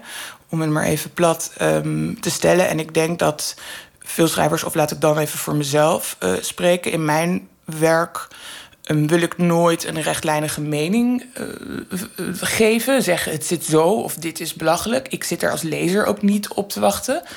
Um, maar wat ik wel doe, is bepaalde ideeën onderzoeken, normen onderzoeken, um, ethiek onderzoeken. Waar komt het vandaan? Welke invloed heeft culturele of politieke context op de manier waarop we denken? Klinkt nu een beetje wel als een plan vetterig, maar dat zijn meer dan achterliggende ideeën, dingen die ik zelf eh, belangrijk vind en die ik dan in verhalen verpak.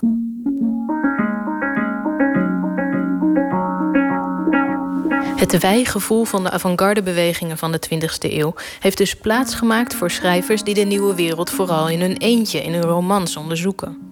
Daar passen geen manifesten bij. Toch verscheen er begin dit jaar een verhalenbundel die je misschien een beetje als een manifest kan zien. Als dit zo doorgaat, heette die. En er staan allemaal verhalen in die zich afspelen in de toekomst. Hanna Barefoots schreef ook een verhaal. Het ene verhaal ging heel erg van, oh, wat zou er gebeuren als iemand als Trump aan de macht kwam. Het andere verhaal ging heel erg over wat als we het patriarchaat ooit weten om te gooien. Dus dat was heel verschillend. Het was in zekere zin een manifest waarin schrijvers lieten weten: we maken ons zorgen over de huidige, ik denk dan zowel politieke tendensen als op gebied van klimaatverandering. Maar daar ga je alweer. Dat zijn twee dingen. Aan de andere kant zijn die ook heel erg verbonden natuurlijk uh, met elkaar. Dus dat zou je misschien als manifest kunnen zien. Maar ook wel weer kenmerkend dat iedereen daar een andere stem in had. Andere schrijfstijl. De ene had een gedicht, de ander had een heel subtiel uh, verhaal. Dus daar zie je wel dat dat niet een eenduidige stem is, maar dat er wel een gelijkgezindheid zit onder de schrijvers dan. Tjitske Musche was dat in gesprek met hoogleraar moderne Nederlandse literatuur in internationaal perspectief. Lekkere lange introductie is dat. Ira van Dijk van de Universiteit van Leiden en uh, schrijver Hanna Bervoets. De film is vanaf morgen te zien in de bioscoop Manifesto. Benjamin Clementine werd een paar jaar geleden ontdekt. Begon ooit in de Parijse metro. Het is zelf een uh, Brit. En zijn uh, tweede album is net uit, I Tell a Fly. En we gaan luisteren naar God Save the Jungle.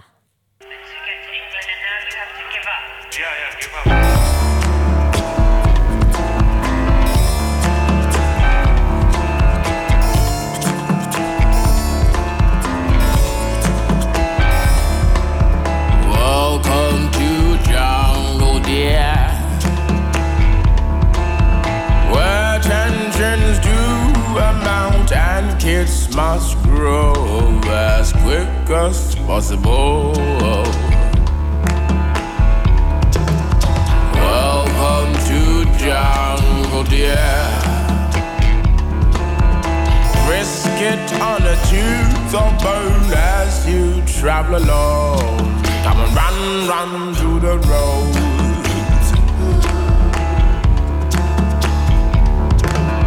Welcome to jungle, dear. Where lorries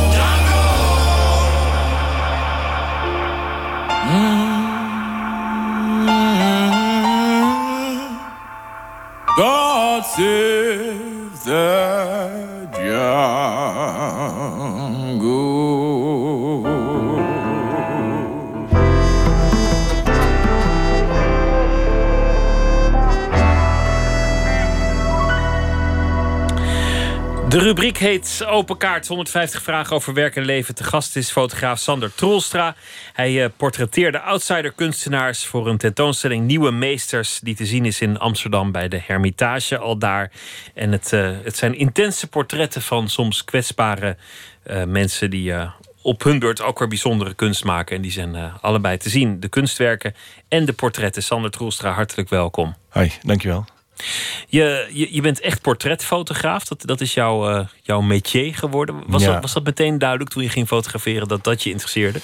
Eh, ja, eigenlijk werd dat wel vrij snel duidelijk, omdat ik eh, ben altijd met de mens bezig. Dus het moet altijd over mensen gaan. En ja, dan kom je al gauw op portret. Of tenminste, bij mij ging dat zo. Dat vond je gewoon het interessantste om, om te fo- fotograferen? Ja, eigenlijk is denk ik dat misschien ook wel het meest spannende om te fotograferen. Maar ja, om de ander te onderzoeken met, met je camera, dat is, eh, dat is heel interessant.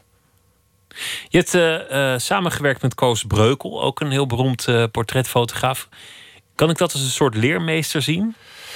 Ehm, ja, eigenlijk nadat ik, af, ik studeerde af in 2011 en toen kwam ik eigenlijk Koos eh, meteen tegen en die zei eh, tegen mij: "Oh, jij moet met mij mee." eh. en toen, ja, als je net afgestudeerd bent, ben je natuurlijk al zoekende van, ja, hoe ga ik nou verder en hoe moet ik dat vormgeven en en eh, bij Koos heb ik eh, wel veel geleerd over het maken van tentoonstellingen, het maken van boeken. En, en eh, niet zozeer het fotograferen zelf, maar meer hoe, hoe, de, hoe alles eromheen werkt. Wat je dan vervolgens met die foto's kunt doen. Ja, precies. Ja, dus. Ja, jouw Ja. portretten zijn tamelijk intens vaak. Het, het lijkt wel alsof je voor je aan de slag gaat, je ook echt heel erg verdiept in degene die, die voor je staat. Alsof je ook probeert bijna in zijn, in zijn, eh, in zijn hele leven te kruipen. in, zijn, in zijn ziel, Ja. in, zijn, eh, in, in, in zijn gevoelens. Ehm, Is dat zo? Is het ook een soort onderzoek naar je geportretteerde? Ja, als ik iemand moet eh, fotograferen, dan is het inderdaad wel een onderzoek. Maar ik, van tevoren verdiep ik me niet zo heel erg daarin. Ik laat het heel erg afhangen van het moment. En dat is eigenlijk best wel. Ik vind dat eigenlijk altijd wel spannend.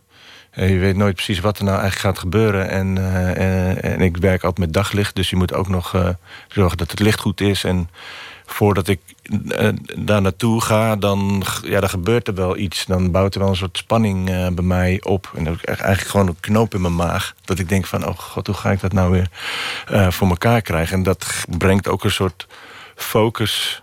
En als dan alles bij elkaar komt, dan is er eigenlijk een hele ja, enorme concentratie en nieuwsgierigheid. En die maakt dan dat ik ja, het- als je het uit gaat leggen, is het, ei- gaat het eigenlijk weg. Maar je, bent je, je bent heel goed aan het kijken wie er voor je zit. En, ehm, ja, en dan ontstaat er moment. iets. Dat is Ja, het dus eigenlijk... eh, ik, ik, ja, het is een soort magie die kan ontstaan. En, eh, en dat gaat eigenlijk over nieuwsgierigheid en, en over focus... En, en over twee mensen die elkaar... Het is een soort ontmoeting. Ja. De, de outside kunst, dit zijn mensen die, eh, die, die soms een handicap hebben of ander, anderszins een bijzonder verhaal. En die kunst maken. De kunst die wordt getoond met een portret van die mensen. Dat maakt het al intens, omdat sommigen hebben bijvoorbeeld spasmen, wa- wa- waardoor, je, wa- waardoor het er anders uitziet dan een, dan een ander portret. Eh andere, daar zie je aan de blik dat er, dat er iets anders is. Maar allemaal zijn het, zijn het heel. ehm, ja, zijn, zijn, het- zijn het heel fascinerende portretten. Je, je blijft er naar kijken. Ja, nou, dankjewel. Ja, dat is... eh, Wat was dat anders dan wanneer je, wanneer je bijvoorbeeld iemand voor de, de een actrice fotografeert of een, of een schrijver? Ehm, nou, er is wel een, een, eh, een, een enorm verschil wat bij mij echt is blijven hangen. Is dat het ego van eh, deze groep kunstenaars eh, helemaal, ja, eigenlijk bijna nihil is. Op het moment dat ik ze mocht fotograferen of dat wij die ontmoeting hadden, gingen ze gewoon voor mij zitten en ze, en ze keken mij gewoon aan van, nou, fotografeer me maar. En eh, dat, dat is echt bijzonder. En als ik ze een, een aanwijzing geef van, nou, kijk een beetje naar links. Nou, dan, dan kijken ze naar links, maar als ik daarna niks meer zou zeggen, dan bleven ze gewoon, uh, bij wijze van spreken, gewoon een kwartier uh, naar links kijken. En dat is heel bijzonder. Dus dat is ook een soort kwetsbaarheid die ze aan mij uh, lieten zien. En ik, wilde, ja, ik was gewoon benieuwd van wie is nou eigenlijk die, die outsider kunstenaar? Wie zit daar nou eigenlijk achter? Want die kunst is ontzettend interessant. Ze maken ja, iets wat van binnenuit komt en het is heel erg rauw en het is ja, mysterieus en het is hypergevoelig. En het is, uh, ja, het, is, het is heel ja, fascinerend om, uh, om, om naar te kijken. En, en eigenlijk zijn de mensen die daarachter zitten, die zijn, ja, die zijn net zo bijzonder. En dat, dat was eigenlijk mijn onderzoek. Ik wil nog een project met je bespreken. Want je, je hebt uh, heel lang de oude fotograaf Cor Jaring gevolgd. Toen, ja. hij, toen hij al hoogbejaard was. Ook, ook dat vond ik fascinerende foto's. Maar, maar daarin leek bij jou een soort dubbele fascinatie te zitten. Voor de man en wat hij gedaan heeft en, en wie hij is. Maar ook voor de ouderdom. Het, het verstrijken der jaren, dat, dat leek je ook te fascineren als fotograaf. Ja.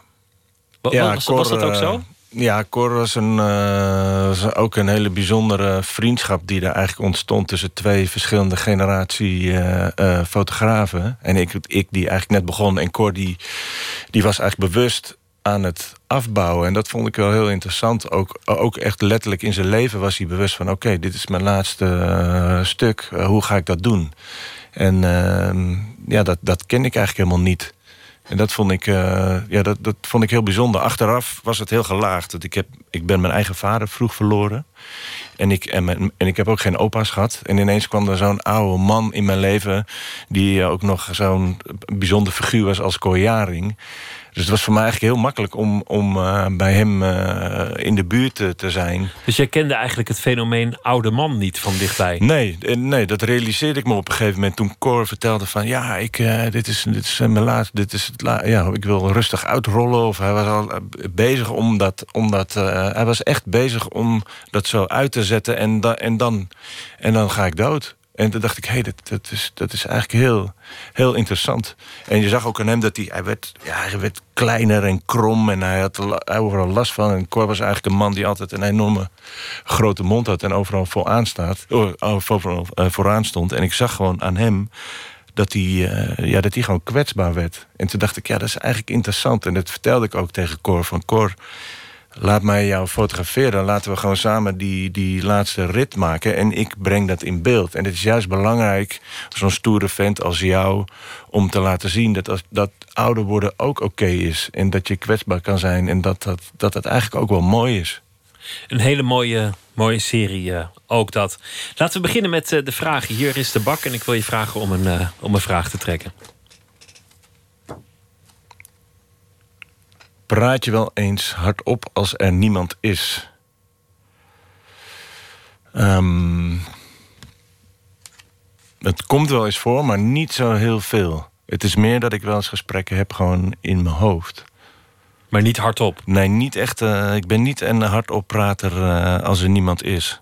Ik heb, uh, ja, nee. Nee. Laten we nog één doen. Wat wil je laten worden? Hm. ja, ik ben eigenlijk wel een beetje geland waar ik wil zijn. En dat is echt fotograaf. En uh, voor mij heb ik iets gevonden waarin ik een enorme vrijheid vind. En, en, en ook betekenis kan geven aan mijn eigen leven. En, en fotografie een soort onderzoek is geworden... wat ik uh, eigenlijk met me meedraag.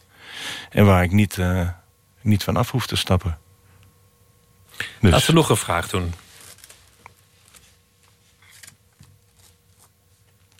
Wat verwacht je van de komende tien jaar? Ja, ik. Um, nou, zoals ik kijk wat er nu uh, gebeurt vanaf dat ik be, uh, ben uh, afgestudeerd, is dat ik eigenlijk om de twee jaar een mooi boek of project afrond.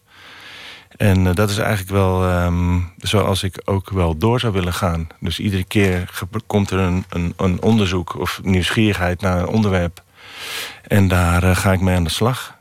Dus als ik dan zeg uh, tien jaar, dan uh, zijn het vijf, vijf projecten. Vijf projecten, vijf boeken of tentoonstellingen. Ja, ja, ja. Nou, dat zou Bijvoorbeeld, ja, dat zou... Ja. Een hele nette oog zijn, toch? Ja, dat zou, dat zou een hele rooskleurige ontwikkeling zijn. Laten we nog een vraag uh, trekken. Het allemaal verschillende vragen? Of is het, soms zes keer dezelfde. Wat waardeer je in je vrienden? Ja, wat ik het meest in mijn vrienden waardeer... is dat ze me eigenlijk nemen zoals ik ben. Dat ze je gewoon accepteren. Ja, dat ze mij accepteren zoals ik ben. Ja. ja. Dat is ook het beste wat je voor iemand kan doen, vind ik. Ja. Laten we er nog geen doen. Dit Laten gaat, we er uh, nog één doen. Dit gaat lekker snel. Wie was de eerste dode die je hebt gezien? Nou, wat, eigenlijk wat het eerst in mij opkomt, is, is nu mijn, uh, mijn oma. Die uh, overleed en daar ben ik bij geweest. Toen ze overleed? Ja, toen, toen ze, overleed. Ja, toen ze stierf. Daar was ik bij. En um, ja, dat is iets wat ik wel van dichtbij heb, uh, heb meegemaakt. Wat dacht je toen, toen, toen dat gebeurde? Ja, ik, uh, ik kan me dat nog goed uh, herinneren dat we daar aan dat bed zaten. En um, haar leven was gewoon, of haar lichaam was gewoon op. En uh, de, de, beslissing was van, nou dan gaan we daar, dan krijg je morfine. En dan, over, dan blaas je dus letterlijk eigenlijk je laatste adem uit. En ik vond dat ook wel fascinerend. En um, ik weet nog dat ik haar ook vroeg van, dat ik dacht van, goh, ik heb al van die vragen die, ik, van die waarom vragen, die heb ik. Waarom zijn we hier eigenlijk? En wat, wat, wat kom ik hier doen? En wat moet je met je leven? En wat, wat, is, wat is nou echt interessant om de betekenis aan te geven in plaats van dat je leven, in plaats van dat je alleen maar werkt en dat je uiteindelijk denkt van, goh, ik ben oud, had ik maar dit of had ik maar dat gedaan. Ik vond het wel een belangrijke vraag om aan mijn oma te, te stellen van, wat is nou eigenlijk de zin van het leven? En toen uh, kwam zij eigenlijk alleen maar de, met het antwoord uh, de voortplanting. Ik vond dat misschien een beetje teleurstellend, maar het was wel haar antwoord.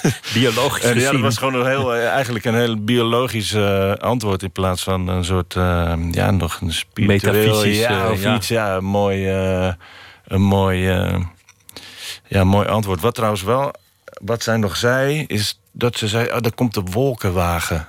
En dat, toen had zij, toen, dat was eigenlijk een van haar laatste uh, daar komt dingen. Die, ja, daar komt een wolkenwagen. En toen, daarna was ze eigenlijk weg.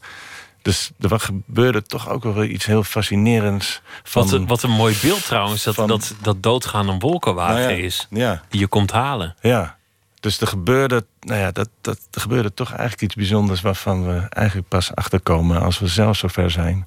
Heb je je voortgeplant? Nee. Nee. Je hebt de raad niet opgevolgd? Nee, nog, nog nee, nog niet. laten we ja. nog één vraag doen. Wat is de mooiste reis die je uh, gemaakt hebt? Um, ik denk dat dat eigenlijk de reis is waar ik nu mee bezig ben. Als ik daarover nadenk. De reis in de fotografie in ja, je werk. Ja, en eigenlijk de, de waarom-vragen die ik heb... en die ik uh, met me meeneem... en die, die, die, die, die, die waarom-vragen die leg ik ook bij andere mensen.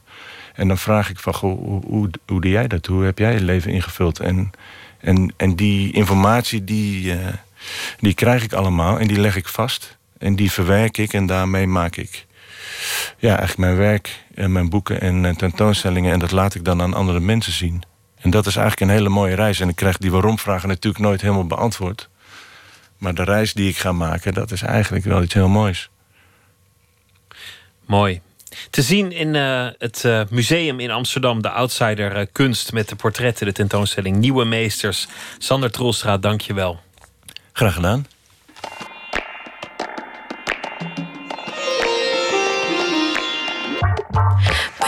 Baby,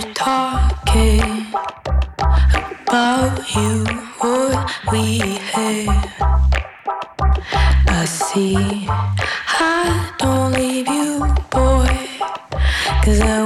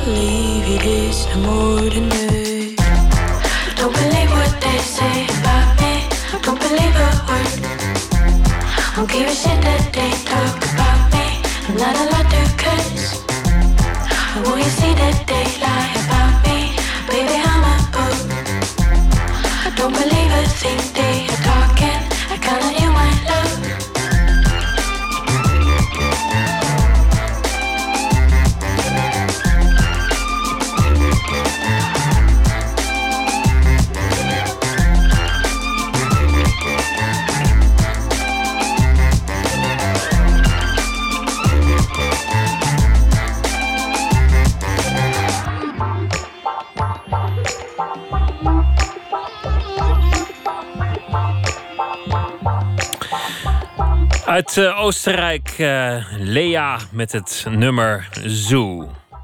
Eén minuut, een reeks verhalen in 60 seconden. Deze is gemaakt door Katinka Beer en de titel is Plastic Zakjes. Mijn moeder die was een echte huisvrouw, dus ze stelde er eer in om het huishouden zo efficiënt mogelijk te bestieren. Als kind vond ik dat verschrikkelijk. Iedere avond als mijn ouders naar bed gingen, zetten ze de waakvlam uit van de gijzer, zodat er s'nachts geen gas verspild werd. Als wij plastic zakjes hadden, dan werden die niet weggegooid, maar omgespoeld en aan de waslijn gehangen. En als ik dan naar school ging met boterhammen, dan gingen die boterhammen in zo'n gebruikte plastic zak. Dat vond ik natuurlijk onwijs gênant, weet je. Iedereen had een prefab eh, boterhamzakje. Maar ik had dan bijvoorbeeld een, een te groot boterhamzakje... waar daarvoor een heel brood in had gezeten. Maar uiteindelijk zou het de wereld ten goede komen... als iedereen zo was als mijn moeder. Is dat gewoon gelijk eigenlijk? En soms als ik de laatste boterhammen uit een broodzak haal... dan neem ik mijn boterhammen ook in die zak mee naar mijn werk. Misschien zou ik bij mijn eigen kinderen ook denken van... daar moet je niet moeilijk over doen. En denken ze later ook van die oude wat gelijk.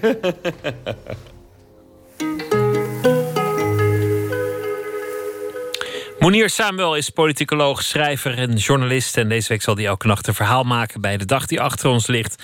Monier, goeienacht. Goedenacht. Goeie stormachtige nacht, kan ik wel zeggen. Het waait eh, nogal fors. Nou, je bent nog niks gewend. Dit, dit, dit noem ik een briesje, Monier. ja, morgen wordt het wat, 120 km per uur of zo. Oh ja, nou dat begint Ja. erop te lijken. Ja, het begint erop te lijken. Ik hou daarvan. Ik hou van stemmig weer. Van, Ja, van wind en regen. Ja, vind ik Ja, mooi. Het was, eh, het was de, de 25-jarige herdenking van de, de Belmenramp. Ja. Heb ik niet mijn column aangeweid, als ik heel eerlijk ben. Dat kan ik me Eh. voorstellen. Maar het is, het is toch, toch altijd een wonderlijk moment dat je denkt...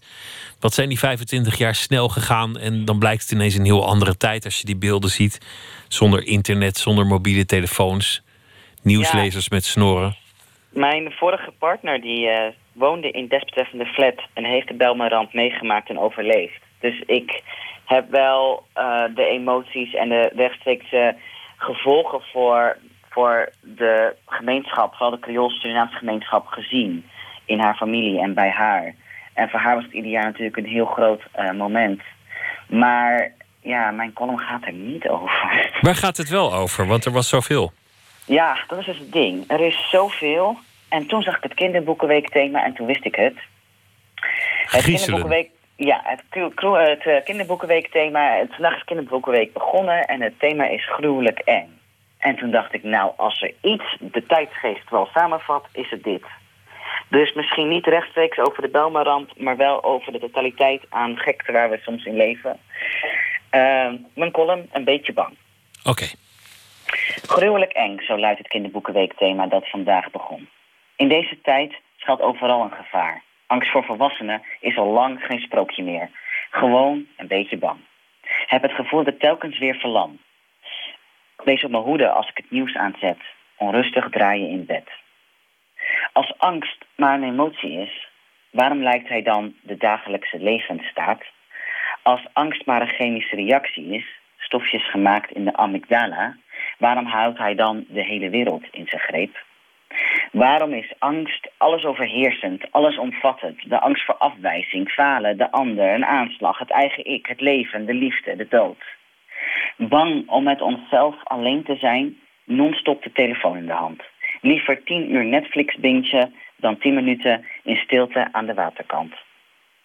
Hoe moeten we nu luisteren naar de ander als we onze eigen stem al lang niet meer horen? We ons angstvallig aan externe identiteiten vastgrijpen, omdat we ieder innerlijk zelfbewustzijn zijn verloren. Hoe kunnen we de ander ontmoeten als we onszelf niet eens in de spiegel durven groeten? Ons eigen gezicht door een overdaad aan selfies is ontwricht. Genoeg met de angst die hoofden doet duizelen en hartslagen opzweept. Genoeg met de maanden gedachten en zweterige dromen. Ik observeerde angst en lach haar uit. Wapen me tegen zijn grillen en weiger me nog langer tegen hem te verzekeren. Er is maar één remedie tegen de angst, één medicijn tegen onze stoornis. Deze zoete waarheid. Morgen is er weer een dag. En zo niet, dan hebben we ook niets te vrezen. Dus lach en kijk je naaste aan, weten dat hij slechts anders is bij gratie van uw bestaan. Over de tijd, de angst en het eh, thema van de kinderboekenweek. Zou- Zouden mensen nu banger zijn dan vroeger trouwens? Of zouden mensen in elke tijd eh, angstig zijn geweest? Nou, een wetenschappelijk onderzoek zegt dat we banger zijn dan vroeger. En dat zou komen omdat we vroeger alleen te maken hadden met angst in directe omgeving. En nu overladen worden met nieuws overal nergens vandaan. Waardoor ook het angst van ver heel dichtbij komt. Letterlijk, je hoeft je telefoon maar open te zetten natuurlijk. En je leest over vijf natuurrampen, zes aanslagen en zeven pogingen daartoe. Waar dan ook. En dat uh, ontwricht onze hersenen, geeft als constante stress in, stresshormoon af. Maar vroeger had je, had je de duivel en het kwaad en het falen en de hel. Ja, dat, zo blijf jij geloof maar zien, hè? Vroeger had je ook de zekerheid en de veiligheid van de liefde van God en een hemel waar je veilig naartoe kon gaan. Dus ook al ga je op je dood op je dertigste, er is een eeuwig leven. Ja, dat is ook waar. Nee, daar heb je gelijk. Het heeft beide kanten. Er, er, er is angst. angst als je met je handje in je eigen broekje komt. Maar er is ook natuurlijk de geruststelling dat het allemaal goed kan komen als je je gedraagt. Precies, of niet alleen dat. Gewoon dat er een leven na de dood is. Dat de dood niet eindig is. Dat je er eigenlijk ook niet voor hoeft te vrezen. Sterker nog, ik denk dat het leven zo zwaar was... dat misschien de dood wel een hele mooie uitweg was. Ik bedoel, je zou maar in de middeleeuwen 32 zijn. Dan was je bejaard. En volgens mij wou je heel graag weg. Dus ik bedoel, ik denk dat, uh, dat het comfort waar we nu in leven... Uh, ons ook bang maakt constant om dat comfort te verliezen. Ik bedoel het niet voor niks als je rijk bent dat je veel meer geldzorgen hebt. Dat is waar. En je moet natuurlijk alles in één leven doen. En een nieuw leven komt misschien wel helemaal niet. Dus dat maakt je ook veel banger. Want dan, dan komt er toch wel erg veel op dat ene leventje aan. Ja, wat een druk. Zo. Wat een druk. Wel rusten allemaal. Wel rusten. Monier, dank je wel. En graag tot morgen. Tot morgen. De Britse zanger Baxter Dury maakt uh, pop met rock-invloeden. Deze maand komt een nieuw album. En uh, we luisteren naar het nummer dat erop zal staan: Miami.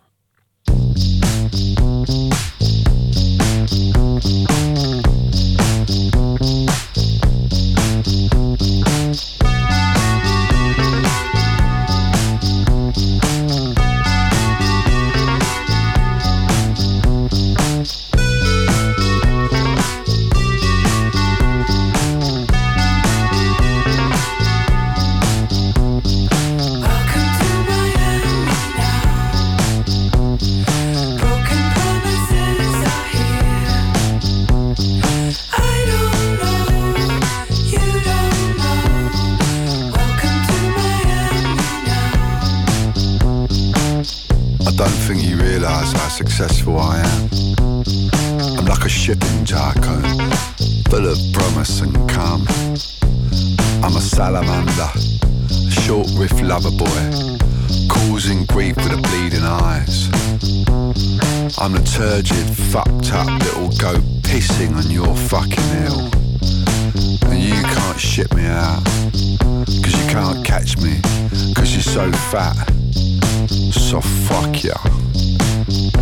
I'm Miami.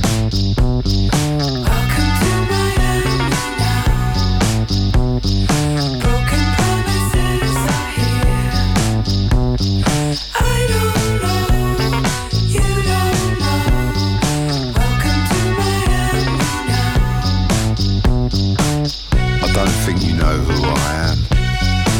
I'm the sausage man, shadow licker. I'm a tiny little ghost that features in your despondent moments.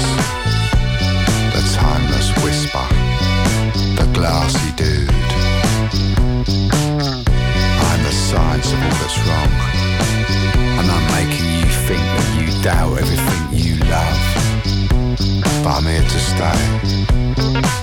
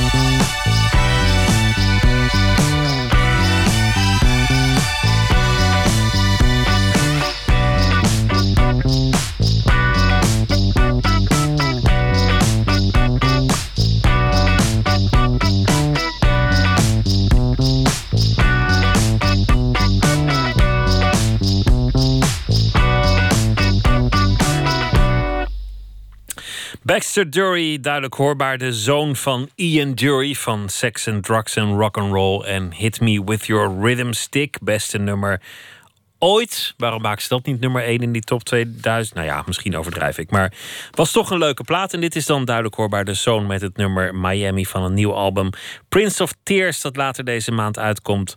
Poëzie, Jaap Robbe publiceerde vijf dichtbundels en eh, dit gedicht heet Vier vingers en een duim.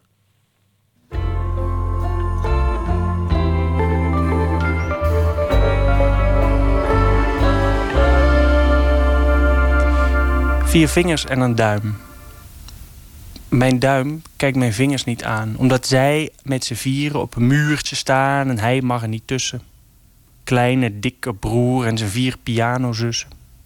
Ze lijken wel een voetbalteam en hij staat kleumend langs de kant. Zij zijn de giraffen en hij is altijd olifant. Maar het eenzaamst zijn de winters. Alle dagen in zijn eentje, in een wand. Ik zat een keer aan mijn bureau te schrijven. Toen keek ik naar mijn hand en toen dacht ik, iets is hier zielig aan. Zo die vier vingers die op elkaar lijken, die altijd steun kunnen zoeken bij elkaar, die ook een beetje naar elkaar. Tenminste, ik weet niet hoe het bij de meeste handen is, maar die zo naar elkaar toe groeien of zo. Ze zijn nooit helemaal recht. Ze draait een beetje naar elkaar toe, alsof ze altijd elkaar een beetje omhelzen. En die duim die daar echt met geen mogelijkheid tussen kan. Dus die kan zich wel laten omhelzen door die vingers, maar zo. Die kan niet zoveel. Die, zit, en die vingers die kunnen hem kietelen en die kunnen van alles. Maar die duim die zit er maar klein en dik te wezen met zijn twee kootjes. Elke vinger heeft er drie, maar die duim heeft er dan twee. En ik kan ze ook, die nagels zijn toch een soort gezichten aan je vingers. Die, en ik kan die andere dan onmogelijk aankijken ook. Het is ook al een beetje alsof je duim dan ruzie heeft met je, met je vingers. Zielig, ja, duimding. Vier vingers en een duim. Mijn duim kijkt mijn vingers niet aan, omdat zij met z'n vieren op een muurtje staan en hij mag niet tussen. Kleine, dikke broer en zijn vier pianozussen. Ze lijken wel een voetbalteam en hij staat kleumend langs de kant. Zij zijn de giraffen en hij is altijd olifant. Maar het eenzaamst zijn de winters. Alle dagen in zijn eentje. In een wand.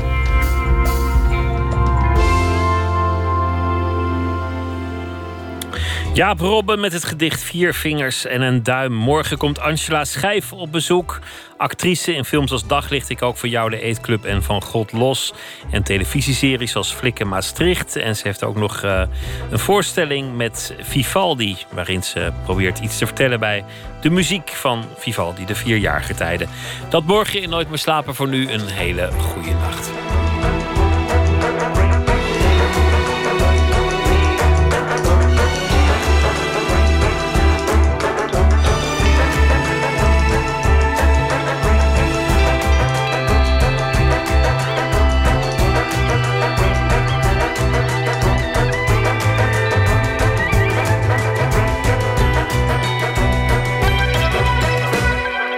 Radio 1, het nieuws van alle kanten.